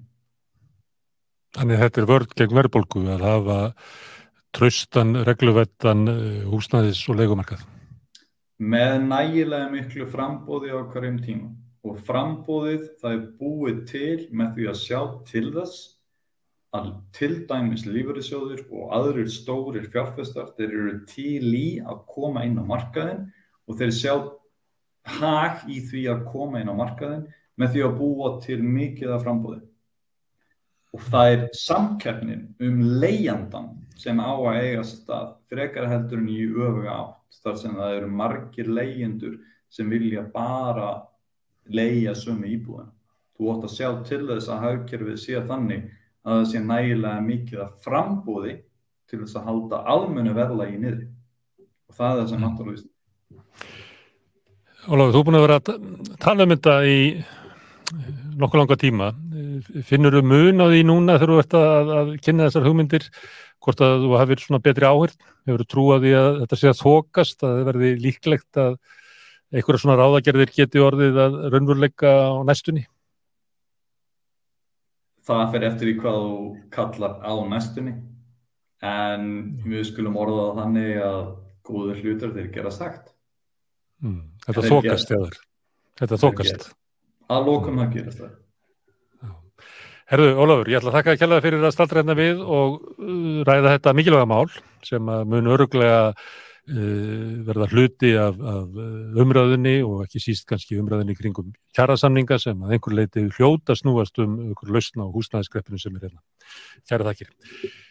En svo núna er hérna rétt á eftir þá förum við sagt, frá Sviss og förum með Jóni Ormi, Ormi Haldósinni. Við ætlum að fara til Rúslands og Úkrænu, til Evrópu, Tyrklands, Indlands og Kína. Komum við okkur í þáferð.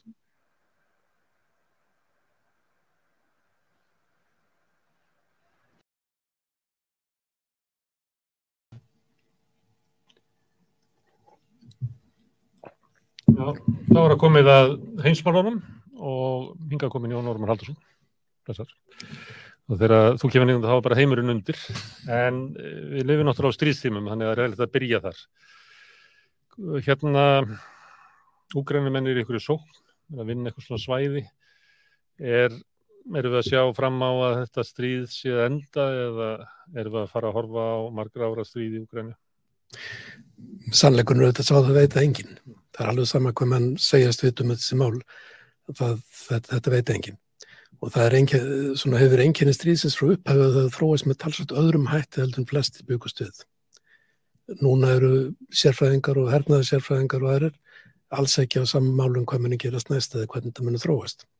Margir sem að vara við og mikill bjart síni fyrir hönd úkrænumanna en svo er aðri sem benda á að í rauninni sé Putin búin að tapa stríðinu og ég held að það sé út af þessi rétt, ég held að það sé búin að tapa stríðinu hvað sem, hvað sem eftirleikurinn verður. Hann er ekki að fá það sem hann ætlaði sér út úr þessu. Hann er ekki að fá það sem hann ætlaði sér út úr þessu og þetta er orðið örgulega mesta sjálfsmark stórveldis í pólitík síðan bandaríkja reyðustin í Írak og sennilega verður þetta afdreifa ríkara heldur en það ég vil. Þannig ég held að þetta munum breyta gífurlega miklum stöður Úslands til lengri tíma fyrir hækjærfi í Úslandi, fyrir pólitík í Úslandi og ég tók hann eftir því að þegar ég var að um, þegar það farið verið eitthvað gammalt efni þá sá ég það að fyrsta vittarins ég fór í um, um þetta stríð mm. þá veist maður þetta ekki þannig heldur þá talaðum það að hugsanlega væri Selinski flýja land og, og þetta væri bara búið á nokkrum dögum. En þá einhvern veginn dætt upp á mér að þetta væri endurinn á valda tíma Pútins sem þarna blasti við. Þetta var enda, endatabli á Pútin og það virkað sem mjög undarleg framsetning á þeim tíma. En eitthvað saði manni samt strax í upphafi þetta veri ofstóra að gera til þess að rúsa getur ráði við þetta með hættaður eða stjórn á albarðurásinni og þetta myndi vekja slík viðbröð svo viða og þetta myndi vekja Rúsland á svo margvíslegan hátt að þetta myndi enda með því að valdakerfið Rúslandi þurfti að glíma við það skiptur heilum um leiðtóa og ég held að það, það spá bara spá bara algjörlega óabyrt mm.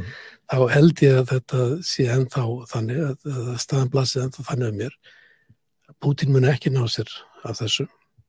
Ég veit ekki hvernig hans endur verður en þetta er katastrófal niðurstað það sem hefur gæst hinga til og það er ekkert sem bendir til sérstaklega hann eigin enni vegi út vegna þess að til þess að sko hann skorti bæði vopn þegar mennur fættin að kaupa vopn í stóru stíl frá Norðu Kóreðu þá er eitthvað mikið að. Mm.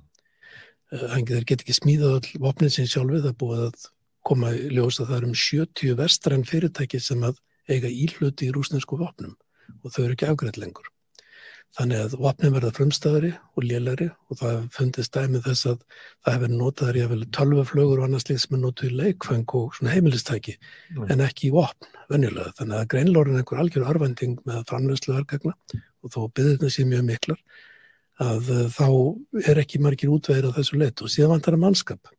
Og eina leginn til þess að fá menn í stríð er að gera alls þeirra herútbáð og ég held að Putin gerir sig grein fyrir því að það myndi hafa þá, þá verður teiningunum kastað endanlega.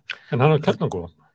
Hann har kjarnangófn og það er þetta sem að rauninni fyrstu vikur stríðsins þá rammaði það hlutina meira innheldur en annað.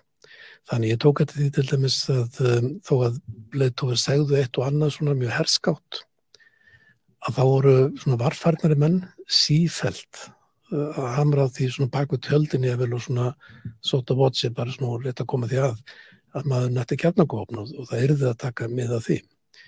Og það er smál sem mann komið í ljós að það er eina sem mann á. Og það eru ákveðna líkur á því að Bútin ef hann er algjörlega gróað af þannig að það er ljóst að það er að tapa stríðinu algjörlega að hann myndi nota þessu svo kalluðu battlefield eða þessum kjarnarkvop sem eru til dælu litla sprengjur en getur verið nót til þess að taka út heila flugvöld eða, eða heila fylgjeng og skriðdröggum eða eitthvað slikt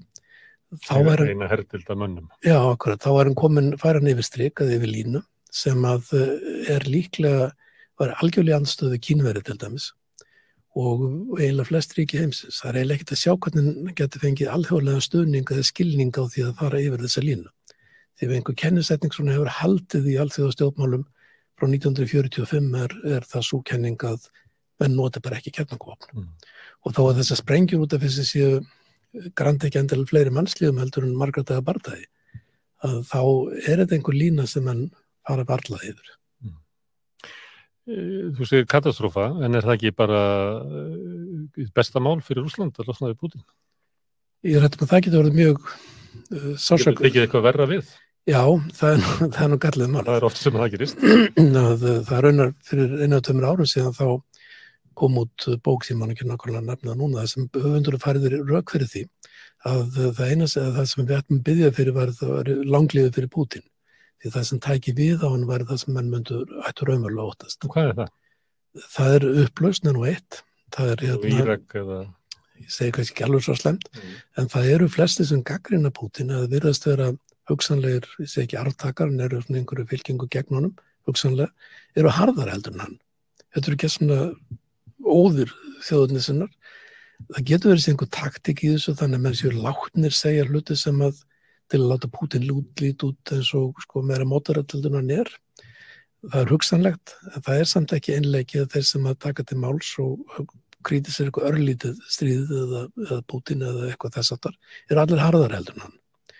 Og það er ímislega spendilegst líkir aðlega séu sterkir í hernum, eh, séu sterkir inn í stjórnkerfunu sem að reynlega byggir svo mikið á Putin að það veit enginn hvað gerðist að hann er því fjalladur eða færi.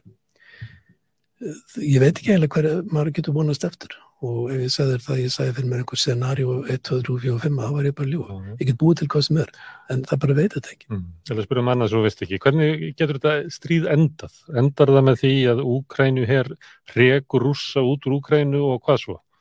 Rúsar eru þá bara áfram hann næsta bæ og geta hvarið í landamæningunni sem þau vilja aftur? Já, sem myndi segja sko, sem það endi og endan með allt stríð. En það er ekki alveg rétt, það er þetta frósinstríð sem er árum saman. Nefndi Norður Kóruður? Það er frósinstríð síðan 50 og... og það er, það er annað sem hefur verið að vakna síðan svo daga með tengslu við Krim, við Kóruð, við Úkrænustrið mm. og það er Azerbaijan gegn Armenia og það sýnir bara að Azerbaijan er að nýta sér veikleika rúsa þegar vilja þeir vita núna ekki, get ekki komið armennundi hjálpar eins og áður. Þannig að þeir nýta sér það, það er eitt konflikt og það, það er mörg dæmum slikt og það er unni margtröð fyrir úkrænum en að ímynda sér það að lenda í frosnu stríð. Það gerði það verkum að það var aldrei að byggja upp uh, efnaðaskerfið eða stjórnmálakerfið með neina svona þeim hætti sem hugnaðsmönnum og það er svolítið hættulegt alltaf ert með svona óutglæð kompletta þessu tæja þá er alltaf aukaöflun, þessu hörðustu aukaöflun sem megum aldrei gefa neitt eftir mm. þarna sem verða ofan á það verður svona þessu ísvel það verður svona þjóðar öryggis sjónum sem verður ofan á allt um líkjönd og bara tromba allt saman og þetta er ræðileg land og, og kreminn vita af þessu þannig að þeir hérna, get ekki hugsið þetta ég sé eins og verður ekki hvernig hægt er að rekja rúsa út úr algjörlútur Úkrænum. Ég held að ég get ekki ívinda með það allir með þessu Úkrænum en nokkuð til að endur hefnda krimska. Selenski var nú bara lýsaði yfir í dag. Hann var margótt gert mm. og, og það, og ég tala ekki um Donbass og allt það. En það, já, eins og segi, þetta verður mjög messi, þetta verður mjög erfitt og þetta er algjörlega ódregnilegt þessu stöndur. Mm. En það sem ég hóru mest á, sko, núna er, er það hvernig mér finnst þrengja að rúsum ekki bara svo í stríðinu sjálfu heldur eru þeirra einangrast smám saman þetta er að hafa svo greinilega óhemju neikvæð efnaðarslega áhrif til lengri tíma. Menn ef við að nefna það að sko rúblan hún standis ágætla. En ástæðan þegar rúblan standis ágætla svo það er ekkit flutt inn. Þannig að þá er auðvitað ekki eftir spurning eftir gældari. Þannig að það er búið að banna og það, það, það, það er hérna, viðskiptað þingarnir sem hafa skipt mestumáli er bannið á sjölu og alls konar varningi til Rúsland sem er algjörlega nöðsynlegur í öllum fló, flókinni starfsemi, í öllum flóknum innaði og þú getur stoppað innað sko í þróausturíkjum Evrópa bara reyna með því að stoppa í hluti annar stað frá. Það er að menn byrja að sjá þetta í Rúslandi að svona e, lífskjör og byrja að hafa áhrif á daglegt líf, þessi, þessi vöruskortur og erfileikar eða eru við enþá að tala um að, að þetta muni verða svona ef þetta heldur svona áfram eða er, er, getur við bent á eitthvað að það ástæði sé orðið svona slæmt? Nei, það er ekki orðið svona slæmt. Ég held að það munum koma í ljósans frekar næsta ári. Mm. Það talaði að rúslandska hækjari munum draga saman 6-7% núna í ár, en sennilega um 8-10% á næsta ári. Og þegar það er haft í huga hvað stólutið rúslandska hækjarinn er fráöfnisaframlegsla, þá er orðið mjög lítið eftir að þessu þróara hækjari sem að allar þjóður hljóta vilja byggja upp hefur allar þróa samfélagið og efnaðaskerfið og lífskjör og, og allt það. Þannig að ég, þess að ég held að gera svo, svo er þetta eitt í þessu að það er fjöldið fólks í Úslandi sem gerir sér algjörlega grein fyrir þessu.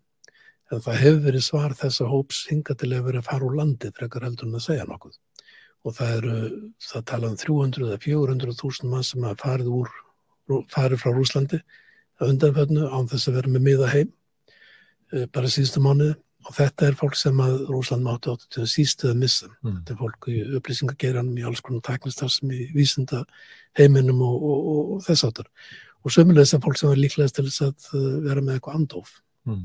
Þetta er líka vandamál í Úkrænu, það er mikill landflotti og ekki fyrir síðan hvernig landi muni jafna sig, þannig að landflotti sem hefur verið þar getur verið líka dreyið aflúr, eða dreyið úr möguleikum Úkrænu til þess að reysa sig við. Getur gert það örglega sko, en það verður til hvernig stríðið endar. Ef það endar með því að það verður einhver von framöndanum það byggja blandið, þá held ég maður mun snúa aftur miljónum saman. Mm. Svona undan þetta vikur hefur verið, nú er veturinn að koma og þá hefur verið meiri aðtökli á orkukreppuna í Evrópu. Það er náttúrulega rókið upp úr öllu valdi orkuverð og skert kaup mátt. Fyrir ekki að má ég grípa fram því að eitt sem ég dætti varandi bara þá þú segið það að því að það spyr út í um að tala um efnahagsmáli í Rúsland og, og þannig að þróaður hlutu hækjærunum. Mm. Þróaðist hlutu hækjærur í Rúsland sem opnaðinaður. Eh, það sem var nú ekki beis það sem gerist á síðustu sex mánuðum er, það, er sko versta auglýsing sem getur ímyndaður oh. Fyrir þannig einað þannig að það er þegar fyrir að bera á því að hiki út um alla heimið að kaupa rúsnesk vopn vegna þess að þessi rándýruvopn sem eru notað þau bara virka ekki. Mm. og þessi gamaldagsvopn er að fá hvað sem er. Það er að kaupa þau mjög lótirar og ynga þanga heiminum heldur frá Rúslandi þannig að þessi stóri draumur rúsaðum það að flytja út hátækni vopn sem hefur pólitíska þýðingu líka hann er fyrir bí um ár og áratöðaskeið mm. þannig að það er svolítið hvert sjálfsmarkið af öðru og, og hérna sem að rúsar hefur gert í þessu afleðingadrænum, en fyrir ekki greið Það vil ekki kaupa eldflög með flögu úr barbítúku Nei, og svo er það ég, ég vil þó að geta skiptið út það er bara komið ljósa þessar herrflögulega sem hafa búin að lesa heilmikið um hvað eru fullkomnar að geta hugsalega staðisnúning nokkrum af bestu herrflögulega Vesturlanda. Þær verður skotnað niður í mörgum tilvægum bara með tiltala einföldum búnaði. Mm.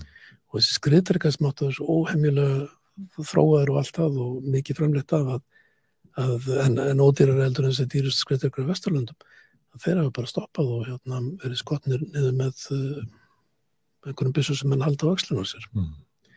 Herðu, þá er það Evrópu, það er hérna kreppir að og veturinn er að nálgast og maður, það sést alveg á umræðinni að, að það er svona viss ótti veturinnum í Evrópu mikill kaupmáttaskerðing og, og því fylgir oft félagslegu upplösn og pólitísk átök það er stutt í kostningar í Ítalju þar sem að rekna má með að bræður Ítalju vinni og hægri blokkin takki við og það verði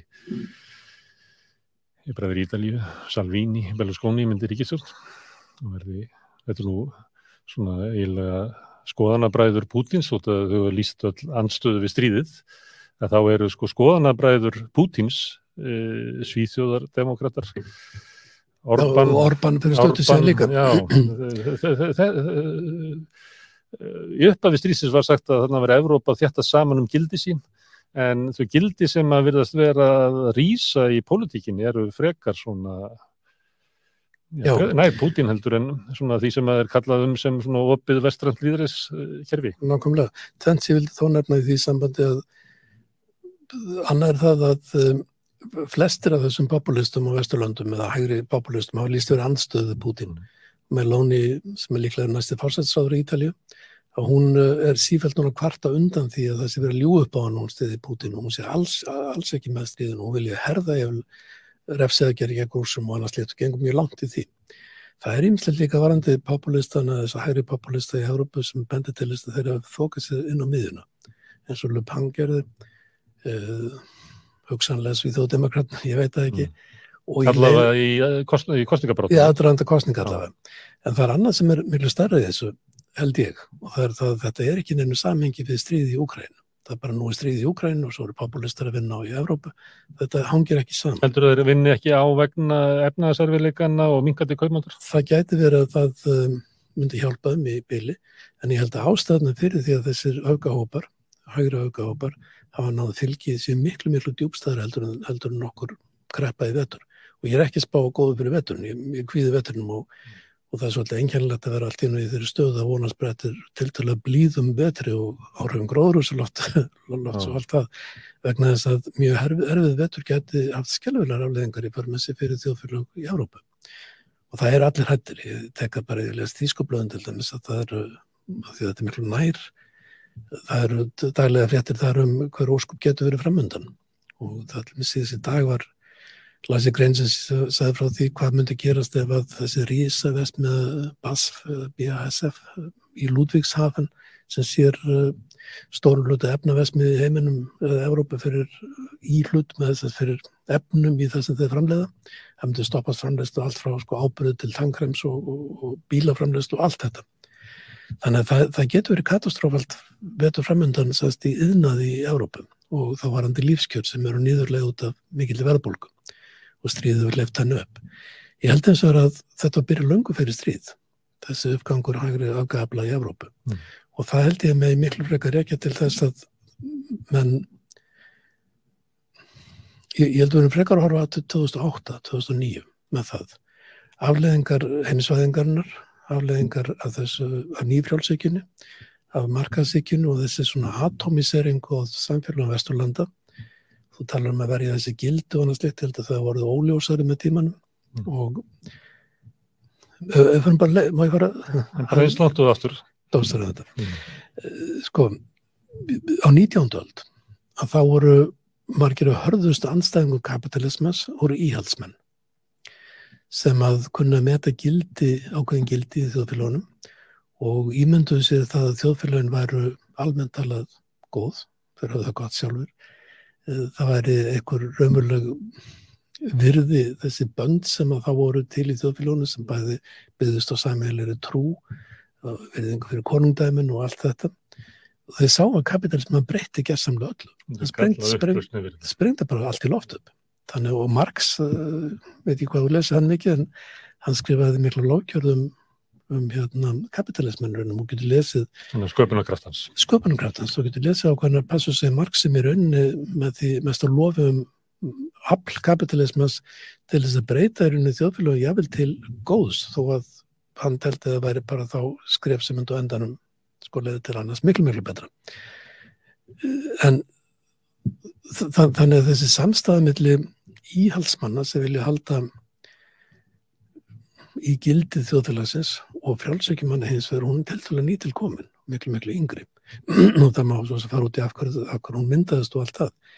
En það sem ég í rauninni sko, ég, ég held að sá maður sem best talaði um þetta, best útskýða þetta og maður sem er miklu leiti glemtur að maður sér ekki mikið til hans vitna, maður sér Karl Pálani mm. ungversku fræðumæður hann sagði einfallega kapitalismin veldur sem síveldu kreppum sem að eðalegi þjóðfélagin eða skemma stórkostlega þjóðfélagin og gera, skapa allt þetta öryggisleysi og allt það sem fólk finnur fyrir.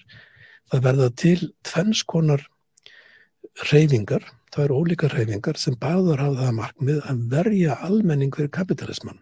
Mm.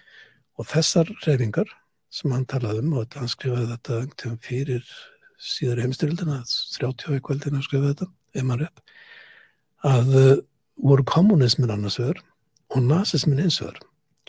Nazistar og fasistar, þeir vörðuðu samfélagið með því að segja samfélagið prímært. Við gefum okkur það upp að við samfélagið er svona á að vera svona þjóðinu öll og aðra, við stöpum okkur saman gegn kapitalismanu, gegn, þú veist, peningahyggjunu, mm. gegn öllum þessum áhrifur sem koma elendis frá. Og þá stöpuður fólki samanröðinni gegn því sem það ímyndaði sér að vera áhrif annarkot minnilöldópa eins og gýðinga eða frá útlöndum eða allt þjóðanum markuðum og allt þetta og ímsum eh, aðlum innanlands. Mm. Og kommunistar og sósialistar. Svo komur kommunistar og og sósialistar, og þeir segja við viljum vernda alþýðuna. Ekki, ekki þjóðuna sem einingu heldur horfur á hluta af þjóðunni sem verandi hinn vinnandi maður. Alþýða sem hefur verið arfrænd og allt það. En í báðantiljökum eru mennur að brenna bjarga samanlutnum um, ekki sama hlut með að bjarga annarkoð þjóðfélagin eða hluta þjóðfélagsins frá því sama sem er þessi eðileggingar árið kapitalismus. Það sem gerist núna á síðust árum uh, sérstaklega eftir þessar miklu framrásni í frjálfsíkjunu þess að markaðsvæðingu allar hluta og síðan kreppana 2008, 2010, 2012 eða hvernig mann tíma setur hana er það að þau öll sem að vilja vernda samfélagin frá útlendingum og frá opnum viðskiptum og opnum landamærum þau verða sterk.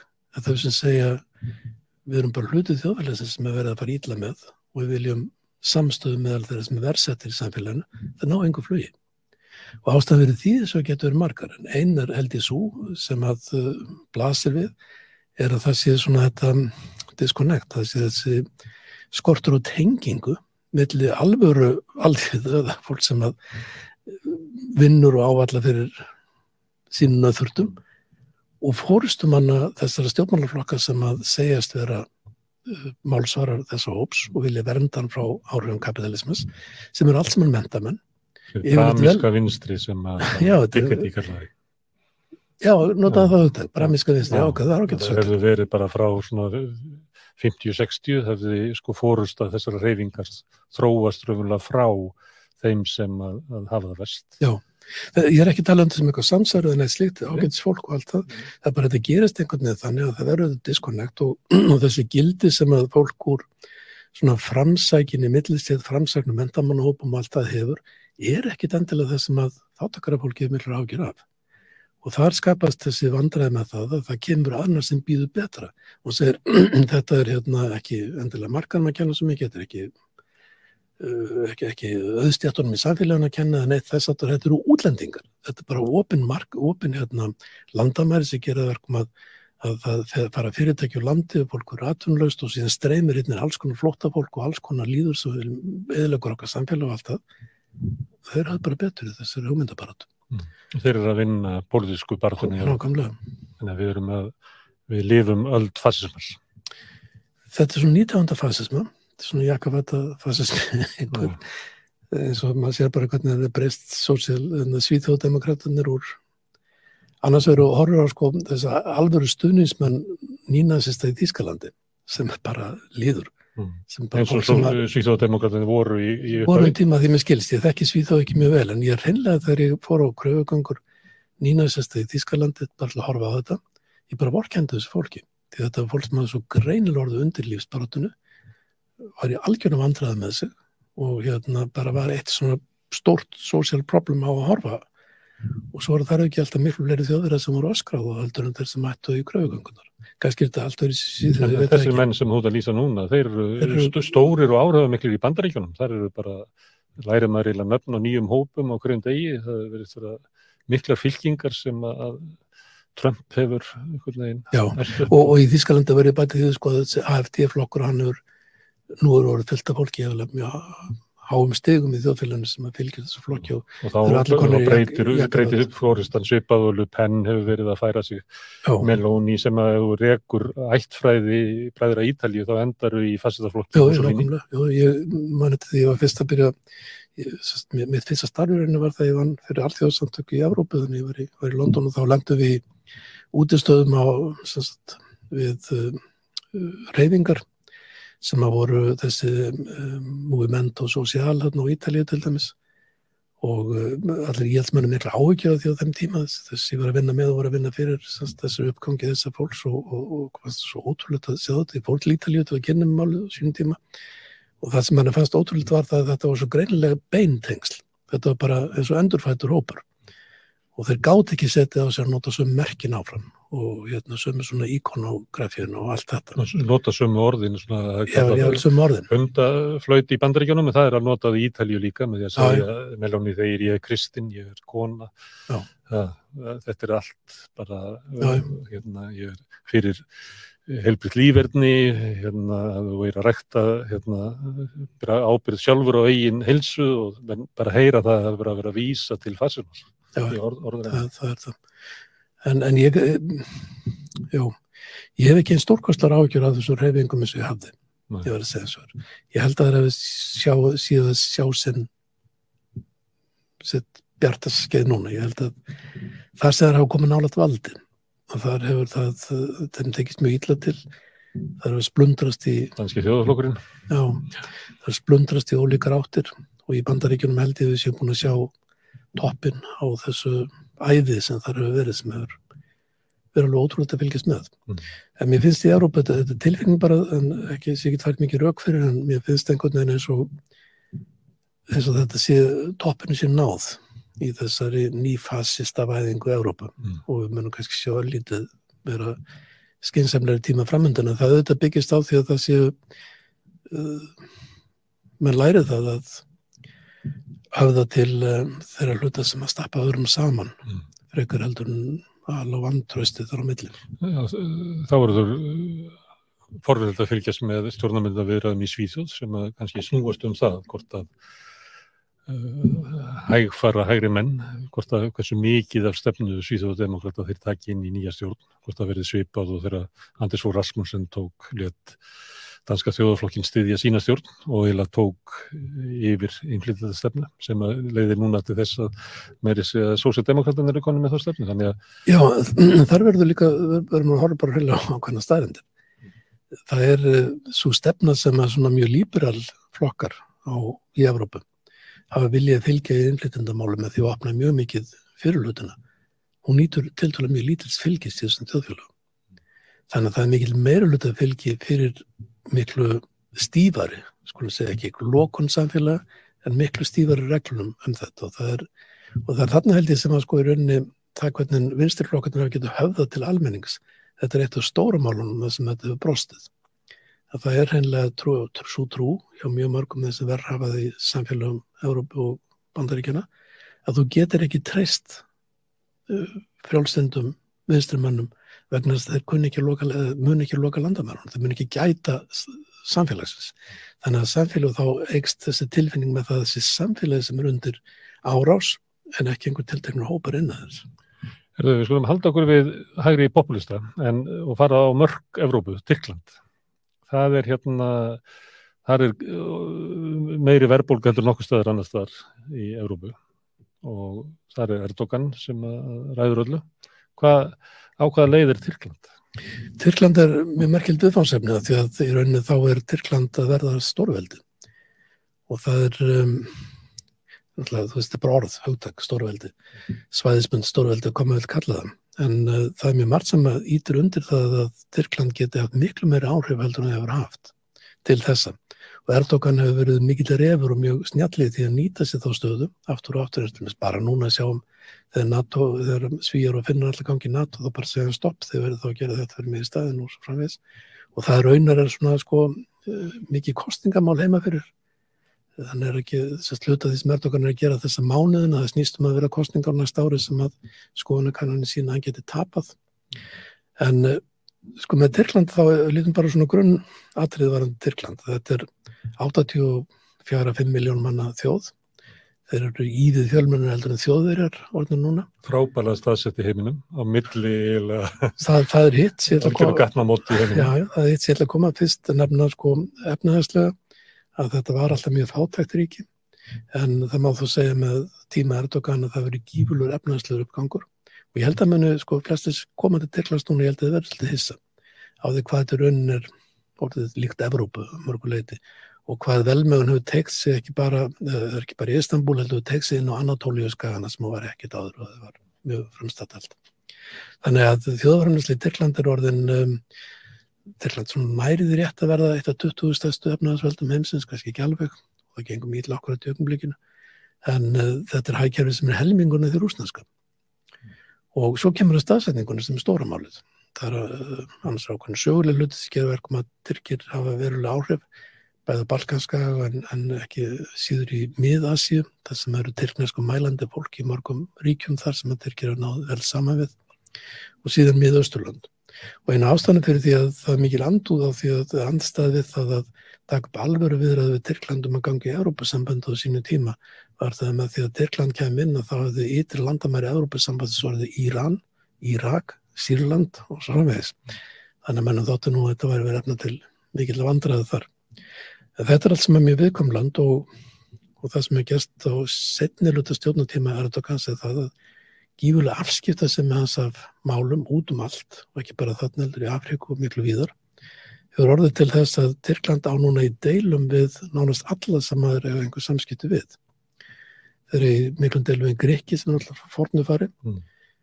Þeir eru í deilum við Európusambandið af bæði varandi pólitík, hérna, mannréttinda ástand sérstaklega og, og þess aftar. Þeir eru með hernað í Sýrlandi.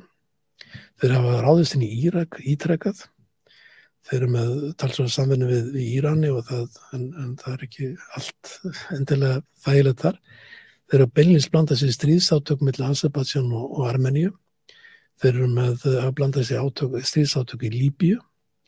Þeir hafa haft afskipti af uh, málefnum þess að blandast inn mikil átök í Persaflóa og þær í kring.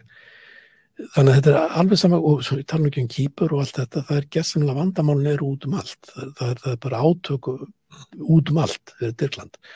En þannig verða stórveldi til þegar þau lenda í þessu. Hegða sem stórveldi. Með dólgag og döllum. Já, já, og þeir hafa byggt upp, eins og til minnst hvað skipt miklu mál í hernaðum í Úkræn. Þetta minnir á það að Dyrklandi er ekki lengur eitthvað ríkið sem bara setur saman einfaldar hluti heldur er tyrknesku innar og hann tiltölaði þróaður og hann talsað þróaður og hefur náð miklum árangri mjög víða. Tyrknesku verktakafyrirtæki með þau stærstu í, í heiminum er með framkvæmdur út um allt. Tyrklandi búið að öfna til mjög sérstað samstarts við mörg Afrikuríki þar sem er setjað sér fyrir hlýðin á eða sem alternatífi í mislu Frakland eða annur Vesternlönd og Kína. Og uh, þannig að Eþjópi til með sérstaklega sem er mjög mikið náið samstarf orða þeir eru konið með hérna, herstöðum er þessi í Somali og, og, og hérna er að skipta að mjög víða. Þannig að þetta er ríki sem að hérna, getur átt pólitísið mikla framtíð framtíð fyrir sér. En, og óháð Erdogan það, já, óháð Erdogan það er komið á okkur að braud sem að mun halda áfram þó svo að Tyrkir kjósi sér að það fóru Já, ég held, held það það sem er sérstatt með þessu sko leðtóum þess að briljant leðtói, sterkumenn er það að þið skjóta sér alltaf fótun á endan. Það er alltaf einhver sérviska sérstokk sem að gera það verkum að þeir hægt að hlusta á aðra, þeir hafa oft tróð sjálfur sér og, og allt það. Það hættur að þú hefur oft rétt fyrir þeir að þá hverfur efasendur um að þú hafi rámt fyrir það. Og Erdogan er mjög í þeirra hópin. Erdogan og Putin eru líkir til til. Þetta, hefur hann ekki alveg tök á, segjum að það eru kostningar næsta ári? Gæti ekki Tyrkland tróast út í að hérna, hann veginn tryggir sér völd þó svo að þjóðin sé ekki til í að kjósa hann? Eins og er bara í Já, eins og Putin konst, tryggði sín völd sko. já, mér finnst mér líklegt að hann verði endur kosa næst og það aftur og Mm. það framlengist fjögur ári viðbútt hans valda ferill. En það er hins vegar ákveðin andstaði í Tyrkland og Tyrkland er ekki alveg eins einfalt samfélag eins og kannski lítur út utan frá þó þetta sé ekki svona eitthvað líberal vestrand líðræðis fyrirbæri, þetta er ekki svona einhver ábærandi pluralismi og, og það allt saman. Þetta er svona miklu frekar ákveðna blokkir ákveðna svona fragmentasjón í samfélaginu en það er eins og orðið mikið af mentuðu fólki og mikið af fólki sem að lætur ekki bjóða sig hvað sem er. Og það hefur gengið fram mörgum ekki bara hegðan Erdogans ellendi sem hefur verið 8 tími vinsal heldur eiginlega frekar stjórnars og efnahagsmálum. Það sem hann er bundið bitið sér í, í eigin kenningar í efnahagsmálum. Það að vextir valdi verðbólgum Mm. en ekki auðvögt sem gerir verkum að hann var að lækka vextum daginn niður 13% þegar verðbólgan búið yfir 100% og þetta náttúrulega leiði til einhverjur óskaplega niðurstöðu efnaðasmáli sem þjóðum þarf að borga fyrir. Og það sem getur feltan er þetta er þessi efnaðasvandri stjórnlaus verðbólga og, og kjararýrnun og mikil kjæra séu fara út í búð með hjólpörur að, að kaupa Já. brauð. ákvörð, það reynilega bara mistið tökin á, á, á efnaðasmálunum það er það sem geti feltan Já. Stórveldi eh, færum okkur þá bara eh, til ann- annars líðræðisríkis sem er kannski ekki líðræðisríki eins og, og við ímyndum okkur svona dagstælega innland. Þar er hægri populisti líka við völd. Já, það má nú- aldrei segja það. Þann, það er mjög, það, það er svo skrítið, eh, þegar þú fæll Asíu, þá breytir stundum hvernig þú metur hlutina. Vegna þess að þú sérð örbyrðuna og alltaf þessi grimmt fátæktarinnar á hverjum degi. Og það verður svo óhugnalegt að það er eiginlega allt annað verður skára. Og þess vegna freistast maður stundum til þess þegar maður er að ferðast um Asju, það er sérstaklega í gamla daga þegar ég var að ferðast um Asju, að fá ákveðna samúð með mönnum sem að gerðu hlutina, reynsuðu upp einhverju sterkir flokkar eða Mm. einstaklingar, hvort það voru til vinstri eða hægri, heldur um bara þessa örbið og þessu ömuleit og þessa Það sko, er allt betur en það. já ég held að sko, það er, það er ekki fólk á Ísland sem ekki ferðast til þriðheims og svo nefnda sem að kalla það, það, það hefur aldrei séð þessi grimd sem fátættin er. Mm. Það svo óhugnalegu daglegu grimd og það er einhvern veginn fer er maður að hún er hryllilegur harstjóri og það einhvern veginn gerir það verkum að maður fær örlitla sem að maður þólir mannum ímestlega sem maður myndi ekki þóla mannastar og þetta er ástæðan fyrir því þegar ég, bjó í Kína á sínum tíma og ferðaðist um Kína dálit og sá annars vegar þessu örbir og búin að sjá hana mjög mikið á Indlandi þess að ég ferðast mjög mikið áður og í Indonési þess að ég bjónu um tíma og, og horfði upp á að maður fekk þess að svona pósitífu viðþór til kínveri fyrir að vera að reyna að leysa þetta mál þó mannréttindi verið öll með, með einhvern móskapnaði. Mm. En á Indlandi hins vegar þá er þetta niðurustar sem er sem er að samfélagið var og, og er að einhver leiti ennþá eftir áratuga líðræði, áratuga frjálsa fjölmiðlun, að það var áratuga domstóla sem virkuðu, virkuðu mjög illa en virkuðu stundum. Eitthvað ákveði sjálfstæði. Og þannig er, er móti, mann er endur móti, búin að brjóta þetta allt saman niður á tiltölulega skömmun tíma. Þannig að Indland sem líðræðisíki eða eitthvað ríki sem að verið mannréttind og annars lítið, er bara ekki svipur í á sjón. Það er, það er, það er óskup ára upp á þetta ríki sem að þetta er eitt að það verið stafsríki heimsins. Það er 1400 miljónum manna sem búa þetta. Hvernig geta uh, svona menn komist til valda í líðræðisríki og umbreytti? Við getum nefnt Orban, við getum nefnt Putin. Erdogan er komin halva leið. Þetta eru við að sjá er- er bara mjög mismunandi- víða sem að menn komast til valda eru kostnir, Já, njóta líðhilli og svo brjóta þau raunverulega allt kerfið undir sig þannig að eftir situr eitthvað svona Það, það verður til, góð, til góðsugur eins og ferast á það rengtið á kostningabaráta í stóru fylki á Indlandi í Andhra Pradesh held ég að verið. Að þá eru sko í frambóði tvær manneskjur sem að verðu annar hvernig fylkistjóru báða voru kvikmyndastjórnur og í rauninni þegar maður lasa eitthvað með þetta fólk þá var ekki nein tilfinning fyrir því að þetta fólk hefði einhverja pólitísk skoðun, þetta voru bara kvikmyndastjórnur. Og uh, þannig, að- þannig sko ná menn inn á kjörselun, þannig ná menn aðtegli eða til með Skandíættin eða Neroættin á, á Indlandi þetta var tilturlega hæfileika laust fólk uh, þeir, þeir setni nú er endi sem sá sem að um, Rául Gandhi til mér sé held að myndi engin hann ætti að er með ná kjöru við sko held ég. Rajiv Gandhi var nú ekki djúbstjórnmálamæður eða, eða merkjulega leittói en hafði þetta nafn. Og þannig er þetta oft á tíðum í þessu ríkjum að bara reynlega semst, þetta, þetta nafn og vera einhver mættum, einhver góðsögn í kringu einhver trú á því að þetta sé eitthvað eitthvað þarna sérstatt á ferðinni. Það tryggir mannum aðganga valdinu og eins með, með móti það, það til svona góðsögum hans sem strákið sem að vanns upp úr því að selja te á jafnblættustöðum yfir það að byggja sjálf hans upp til að verða fylgistjóri gútsjárat og þar átti að hafa gerst einhver mikil efnaðs sprengja sem að hluta til réttina, öðrulegt ekki. Og, og hérna, en einhvern veginn tókst að búa til í kringum hann þessa góðsögu og í rauninni, maður les fylgist með því sem sagt er á innlandum móti, þetta er allt sem miklu meira góðsagnarkjönd heldur en raunverulegt mm. og í svona þessu samfélagi En honum tekst það á svona tökum á, á samfélagin sem að kannski, við gætu sagt að Trump hafi reynd að gera, en tókst ekki ef þess að það var einhverju meiri viðbröð í bandaríkjunum Já, ég held meirist að þeir sem eru á móti, móti eða óttastan, mm. þeir byrja ákvæmlega virðingu eða ekki virðingu, kannski heldur sjáu þessa snillið sem þarna er á ferðinni því að það er ákveðið snillið í þessu þannig sem ræðum að hann er snillingur sem hvernig hann auðvitað Hvað leið er Indland? Þú lísti svona á hvað leið Tyrkland væri í heiminum? Indland hefur hann en ótrúlega potensial mm. sem að ef þú lítlum eins á Kína og Indland og berða það saman þá hefur Indland eitt uh, tvent uh, mjög mikið fram yfir Indland nefnir fram yfir Kína og hann er bara líðfræðilegu struktúr þannig að það núna er það meir en 50 hver maður á jörðinni sem fer út á vinnumarkaðinni gerir þá Indlandi. Mm. Indland er enn ung þjóð en þeir eru að losna við þessa miklu fjölgun, fjölgunum minga mjög mikið en áragangandi sem eru að koma að vinnumarkaðin næstu 10-20 árun eru rísa, rísa stórir sem hlutfalla öllum mannafla. Mentun er, þú maður segja ímislegt um hana, hún er frá því að vera með, því besta í heiminum og yfir það að vera skellefil og, og engin. Uh, og hérna, og það, það, það, það sittur alltaf mér með Indlandi eins uppkvötuðandi svona og Epiphany. Ég stóð einhvern tíman sunnalega Indlandi og var að horfa á fiskimenn vinna. Og þeir voru með, þeir áttu ekki einu svona báta, þeir eru raunverulega báta, þetta voru svona eintrjáningar sem voru á. Og þeir fóru út með eintrjáninga, tvo og tvo og voru með svona neta durslur einhverjar sem þeir sett á milli bátan og reynda að ná upp einhverjum fiskum. Ef þú snýrir í hálring, þá horfður á kjarnorkuverð og ég vissum þetta kjarnarkuður að það var byggt af indvæskum vísindamann með hjálpa vissu sovjerska á þeim tíma.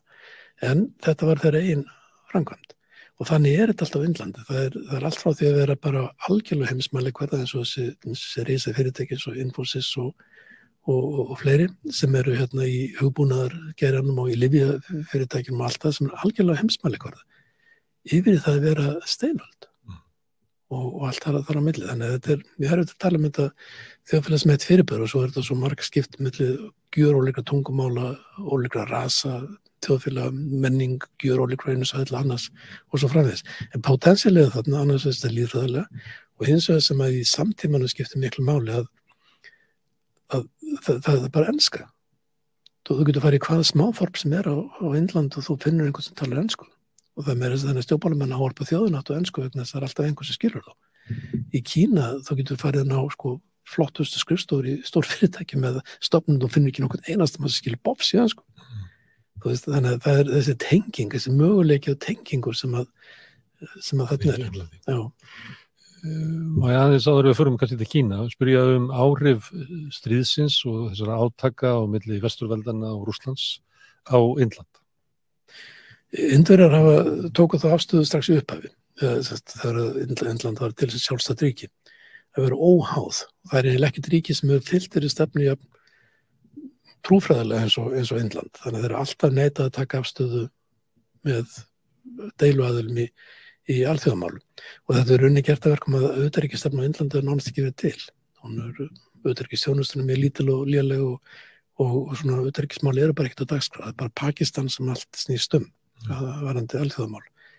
En núna þá hafa þeir tekið þá stöðu að hérna, taka stöðu freka með Rúslandi og við sjáum það mitt í dag og morgun þá eru fundur Shanghai-grúpunar hérna, í útspyggvistan held ég sé heldur núna.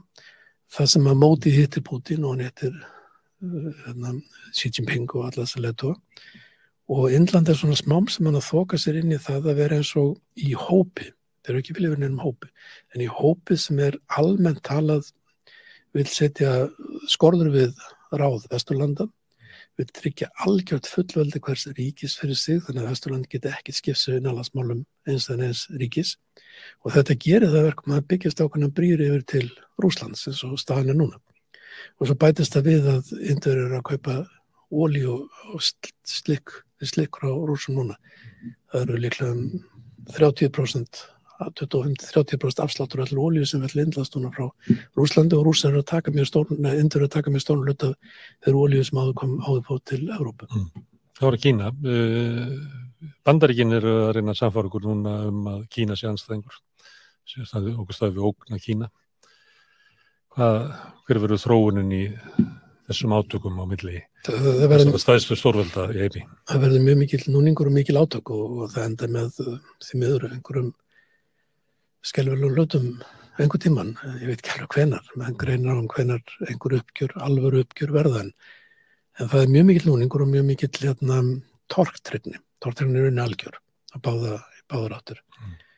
og uh, það segir ákveðin að sögum með Kína með þeirra framgangi í heimismálum að nú getur vel verið komið ljós á morgunni af rámt fyrir mér vegna þess að þeir eru að hittast í dag og morgunni sem segi í hérna, Samarkandi og Uzbekistan en kynveri hafi ekki viljað taka afstöðu með rúsum fyllilega í stríðinu í Úkrænu á tveimur ástæðum og það er annars að það þeir segja að það verða fullveldi ríkja og hins að hafa þeirra praktiskum ástæðum ekki vilja rjúa viðskiptabann Vesturlanda við Rúsland þannig að það sem selja rúsum og kaupar á rúsum er ekki hluti sem fari gegnum vestrann bankakerfið eða gegnum vestrann fyrirtæki.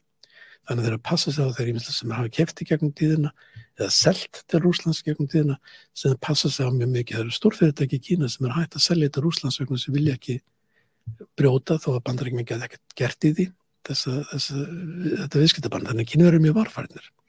En það sem er fyrst og næst til að skilja Kína, maður verður að skilja er það að það sem skiptir málu fyrir Kína er Kína og Kína er heil heimur og það er einhvern veginn, það er ekki hægt að íkja það að það er henni útskýraða þess að tilfinningu þegar maður er inn í miðju Kína fyrir hvað umheimurinn skiptir litlu máli? Þetta er bara Kína er þetta óhemjulega stóra fyrirbæri sem er bara nóg. Og kínverðsk menningar svo þétt ofinn er eina ríkið veröldina sem að Guð, Guðstrú hefur aldrei nána fótfestu vegna þess að fólk þarf ekki á hann að halda. Það er bara spurning af öllum mögulegu frá vöggutu grafarir að finna í kynverska menningu. Og það að tilhera kynverska menningur og partur á þessu er bara nóg. Þannig að það sem þeirra vilja gera og það komið í ljósnáttúrulega þeirra að breyta mjög mikið um auðverkistefnu okkur þessi árin, hún var nánast ekki til staðar mjög lengi, það er ótrúlega lítið sem skiptir sig á hlutum, er það að þeir eru að opna fyrir sjálfa sig, stundum í svona eins og varnarskinni, aðgangað ráöfnum, aðgangað mörguðum, þeir eru að búa til svona einhverju hópa í kringu sig sem svona einhverjar blokkir en ekki vinablokkir, þetta er ekki líkt einhver NATO eða ESB eða neinu slíku. Það er ákveðin stuðningur í löndum eins og meirins að í Söður Ameríku og Afríku um að geta átt viðskipti við Kína Já. og raunverulega neitað að vera í viðskiptu við Vesturlund.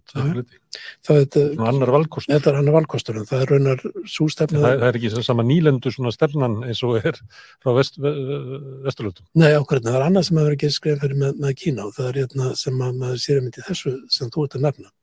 Og það er það þeir sett upp þetta gífilega stóra prógram, þetta belti og braut sem kallaður á íslensku sem að í mínum huga var oft bara spurningum steipu og stál. Mm. Þetta snýrst um það að koma stál og steipu frá Kína og byggja alls konar hluti og, og allt það. Það er rauninir svolítið renn út í sandin. Það hefur ekki gengið mjög vel. Og ástæðan fyrir ekki gengið mjög vel er kunnátturleysi kynverja um heiminn.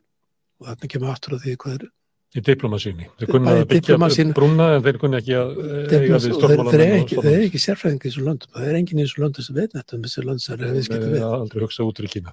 Akkurat og það, og það er, þeir eru lendið vandrað núna þessi, þessi ríkir ekki borga af lánunum. Uh, Frankvæmdþetta reynast ekki akkurat albærar eða akkurat þess að vandaði og framvegð. Þannig að þeir eru að skipta algjörlega gýr og það er miklu meira professional nýju frumkvæði, frumkvæði að nattrætni þróun, heitir það. Og þeir verðast núna að vera miklu sveilar og leggja áherslu á grænar lausnir og, og leggja áherslu á frumkvæði íbúna sjálfra og samstarfi Kína frekar heldur en bara mæti miljón kífur á svæð og byggja bara eitthvað og, og þannig. Þannig þeir eru að læra. En þeir eru, og þetta kom hann í sérstaklega óvart oft, það var svo skrítið með þetta óheimilega stóra mikilvæga ríki hvað var klauvalegt ótt á tíðinni samskiptum við um heiminn. Það mun einhver leiti halda, halda áfram. Þannig erum við líka með sterkar mann sem að, að gætir að því að, að halda völdum og auka völd sín. Það er, það, er það, það er styrkur og veikleiki Kína. Það er styrkurinn er sá núna er að það verður ekki verið valdabarátaði í gangi þar. Þannig að uh, Xi Jinping hefur tekist að búa til stefnu sem er bara fyllt og allir meira minna með því. Þessir fáu valdamenn sem að voru þarna sem að virtust á svona einhverju sjálfstæðu stöðu þeir eru útleð. Að tók að því að líka Qing hérna sem hefur verið fórsetsáður, hann var að lýsa því að hann hættir bara um áslokk og hverfur úr, úr aðstjóðn flokksins. Þannig að Xi Jinping hefur, hefur henni mótað þetta ótrúlega mikið eigin í, í, hún tekist að ná þessum óheimilu völd mm. en það er líka mikil hættið, hættaði því.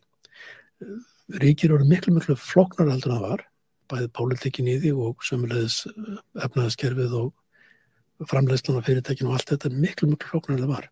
Þannig að þetta er ekki eitthvað sem einn maður leysir. Og upplýsingastreymið neðan frá upp, það er stöðast alls mikið vegna þess að mann vita hvað vil heyra og hvað vil ekki heyra. Mm. Og þetta er þessi stóra dilemma sem að ennræðis er að lenda alltaf í og Xi Jinping munlandi og munlanda mjög illa í alveg á næsta árum. Hættan þá er að uh, því verður svara með ævindir mjög öryggismálum. Það er klassiska ráði hjá einu ræðsara sem er að komast í þröngastöðu heimafyrir, það er að vera stór út á við. Mm, finn, finna sér eitthvað falklanslega stríð. Já, ég menna það er, það er ekki lengi að leita því því að þetta er stóri fílinn í erbygginu með öll samskiptu í Kína er Tævan og uh, ég held alltaf sjálfur að það myndi býða þangu til 2040 og cirka og það er bara algjör saminning 2049 því að það er 100 ára þá liðum frá stopnum alltíðulegvölds í Kína.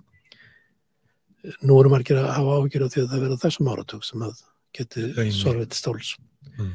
út af Tævan.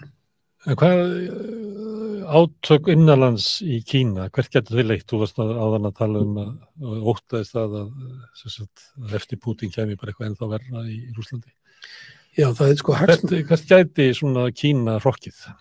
Það sem hann er sínst sko í, í það er mjög örytt að fylgjast með þessu vegna, það er ekki beinleins í, í, í blóðunum eða kemur ekki beinleins í fréttu mikið af þessu. Það sem er sínst sko engkenna uh, alla svona umræðu Kína er hennu ákveðið pólitíst hugmyndarleysi. Þannig að þessar hópar sem verða til og þeir verði til í kringum ákveðna hagsmunni sem átt að tíðum er ekki hagsmunir sem varða landið allt heldur eru svona sérhagsmunir. Það er eins og hafi aldrei orðið til sem þessi menn. Það er kannski bara eins og viðskiptablokkir. Viðskiptablokkir, já, akkurat. Það er alveg sko, stóra efnaðsvandamálið Kína hefur verið nokkuð lengi og verið verra og verra. Það er offjárfesting og það er út af því að það eru í landinu samkefni á milli hér aða og, og borga um það laga til sín fjárfestingum en lofa öllu gull og grænu skóm og allt það og þrýsta og bankakerfið og lána út og allt þetta. Og þannig verða til þess að draugaborgi til dæmis sem er mikið í fréttum. Og, og það er kannski ágættið stæmið þú veist að taka þær vegna þess að það sýnir sko umfangið að þessu. Að það núna eru 50-60 miljónir íbúða í Kína sem eru ónótaður sem eru meira og menna tilbúnar en enginn flytur í og mun kannski aldrei neitt flytt í. Þannig að efnaðaskerfið hefur snúið svo mikið um framkvæmdir sem eru ekki svar við neinum þörfum eða markaði eða markaði heldur það að einhverju hafi verið nógu pólitið sterkir til þess að fá fjármagn í og geta fjárfæst og þá er þetta svona kolúsjón milli sveitastjórnarmanna og borgarstjórnarmanna og hýrastjórnarmanna og svo allar þessari fyrirtæki sem framlega allt þetta stálu og allar þessi steip og allir þessi verktakastar sem, sem er kringu þetta. Og þannig verður til alls konar blokki sem keppa hverju aðrum aðganga fjármagn aðganga völdum og það er þetta sem maður tekur eftir en ekki einhver blokk sem segir við þurfum að opna þess meira fyrir umræður eða við þurfum ekki meira áslastöðu kvenna eða græna lausnir. Það er eitthvað svona félagslegar heldir í Kína til þess að halda upp í svona eðlilegum stjórnmálum. Einn förðulegst Nei, engi verkefælisfélag einn förðulegst statistik sem ég séð er, er kemur frá Kínaska ríkinu. Og það var, þetta var ég sá þetta síðast 2018 held ég 2017-18 eða eitthvað og þá hafðu þeir registrerað 50.000 tilvik á einu ári um uppþótt í landinu. Og þetta þýðir eh, ég man ekki hvernig kostiði að það veru 150 á dag held ég. Þessi 150 sem á dag í Kína sem veru uppþótt einhver læti sem er lakað þar að skipta sér af. En það er ekki ekkert þessu tengt. Þetta er allt varandi að það búið að rænaður landinu á þessum stað, það búið að reyka allu vinnun á þessum stað, einhver versmiður lokaði þessum stað. Það var sóttvarnir þannig að... Eitthvað svona. Og það er engin, það er ekkit samhengi þessu. Veit að sé heildar vandamál fyrir allt í það félagið, að það myndast allir neinar svona blokkir kringu þetta. Það er ekki til fjölmjörnir, það er ekki til félagskapurinn, það er ekki til... Nákvæmlega, en, það segir seg líka bara svo ég klára þetta með, með 50-60 miljónur íbúða að það virkar eitthvað svona gessanlega stjartfræðilegt. En ég reynaði þá bara í huganum að þetta er svona eins og væri 8-10.000 íbúður á Íslandi auður. Það væri vandamál, það væri problem. Það væri mjög gott, skal ég segja þér, það væri hefðu á Íslandi. það væri það sem okkur vandar. Stórfínd á Íslandi og allt það. En, en það væri sko vandamál, efnaðslegt vandamál ef, ef að staðan væri svo. Það myndi leysast á þreymur árum. Þetta er bara þessi byggjum á tennum árum. Mm. En þegar hlustar þetta frá Kína 50-60 miljónur íbúða, þú veist, þetta virkar einhvers sko, bara lónað sér algjört. Og svona er þetta allt í Kína, það, það er einhvern veginn svona heldar skilningur einhver sem er gerast, það strandar alltaf á stærðinni, á umfanginu, þetta verður allt svo óhemjulega flókið, stort og mikið, að uh, það er einhvern veginn ekkert að ná utan það. Og sérstaklega ekki er þetta... Enga líkur á því að eitt sterkur maður geti hugsað þetta allt saman og stýrt þessu. Það var, nei, eh, það er ósendið. En það var eitt sem reyndi að komast að sko Eh, hérna, Bushi Lai sem að reyndi að eh, sapna í kringu sig gegn Xi Jinping og það var bara með afturkvæði máism og þess aftar og hann náttúrulega lendi fangils og verður það til æfirloka en uh, hann var orðin borgastjóri í, í nefnar vildanum borgstjóri Chongqing sem er 20 miljón manna borg í hér það sem er um 100 miljónur íbúið þannig að alla stærðinir eru Eh, verða svo ótrúlegar.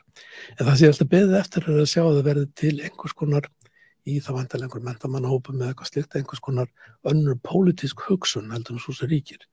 Ég bara sé það ekki. Nei. Bara verði ekkert arfið það. Herðu, við stoppum hér, Jón Ormur. Hlæra þakki fyrir að, að koma hingað og fara með okkur um heiminn frá stríðinu í Úgrænu til Úslands, til Evrópu, til Tyrklands, til Indlands og Kína og þú kannski kíkir hjá okkur til okkar eitthvað tíma setna. Þátturinn er þá búin í kvöld, uh, ég minni á að á morgun að þá sendum við út helgarútgáfu, helgi spjall, það sem að gemur gestur og við ræðum saman. Uh, ég hvet ekkur ef við hafið gagn og gaman af samstöðinni að, að hjálpa okkur við að byggja hann upp. Þið getur gert það með því að læka síðurnar á Facebook og á YouTube. Þið getur líka gert það með því að ganga í Alþjóðfélagi sem er fjárhastlugur bakkjarl samstöðurinnar. Þar uh, greiðiði uh, lága áskrift sem eru félagsgjöld í Alþjóðfélaginu og þið getur ekki þáttið að byggja upp. En ég segi bara takk fyrir í kvöld.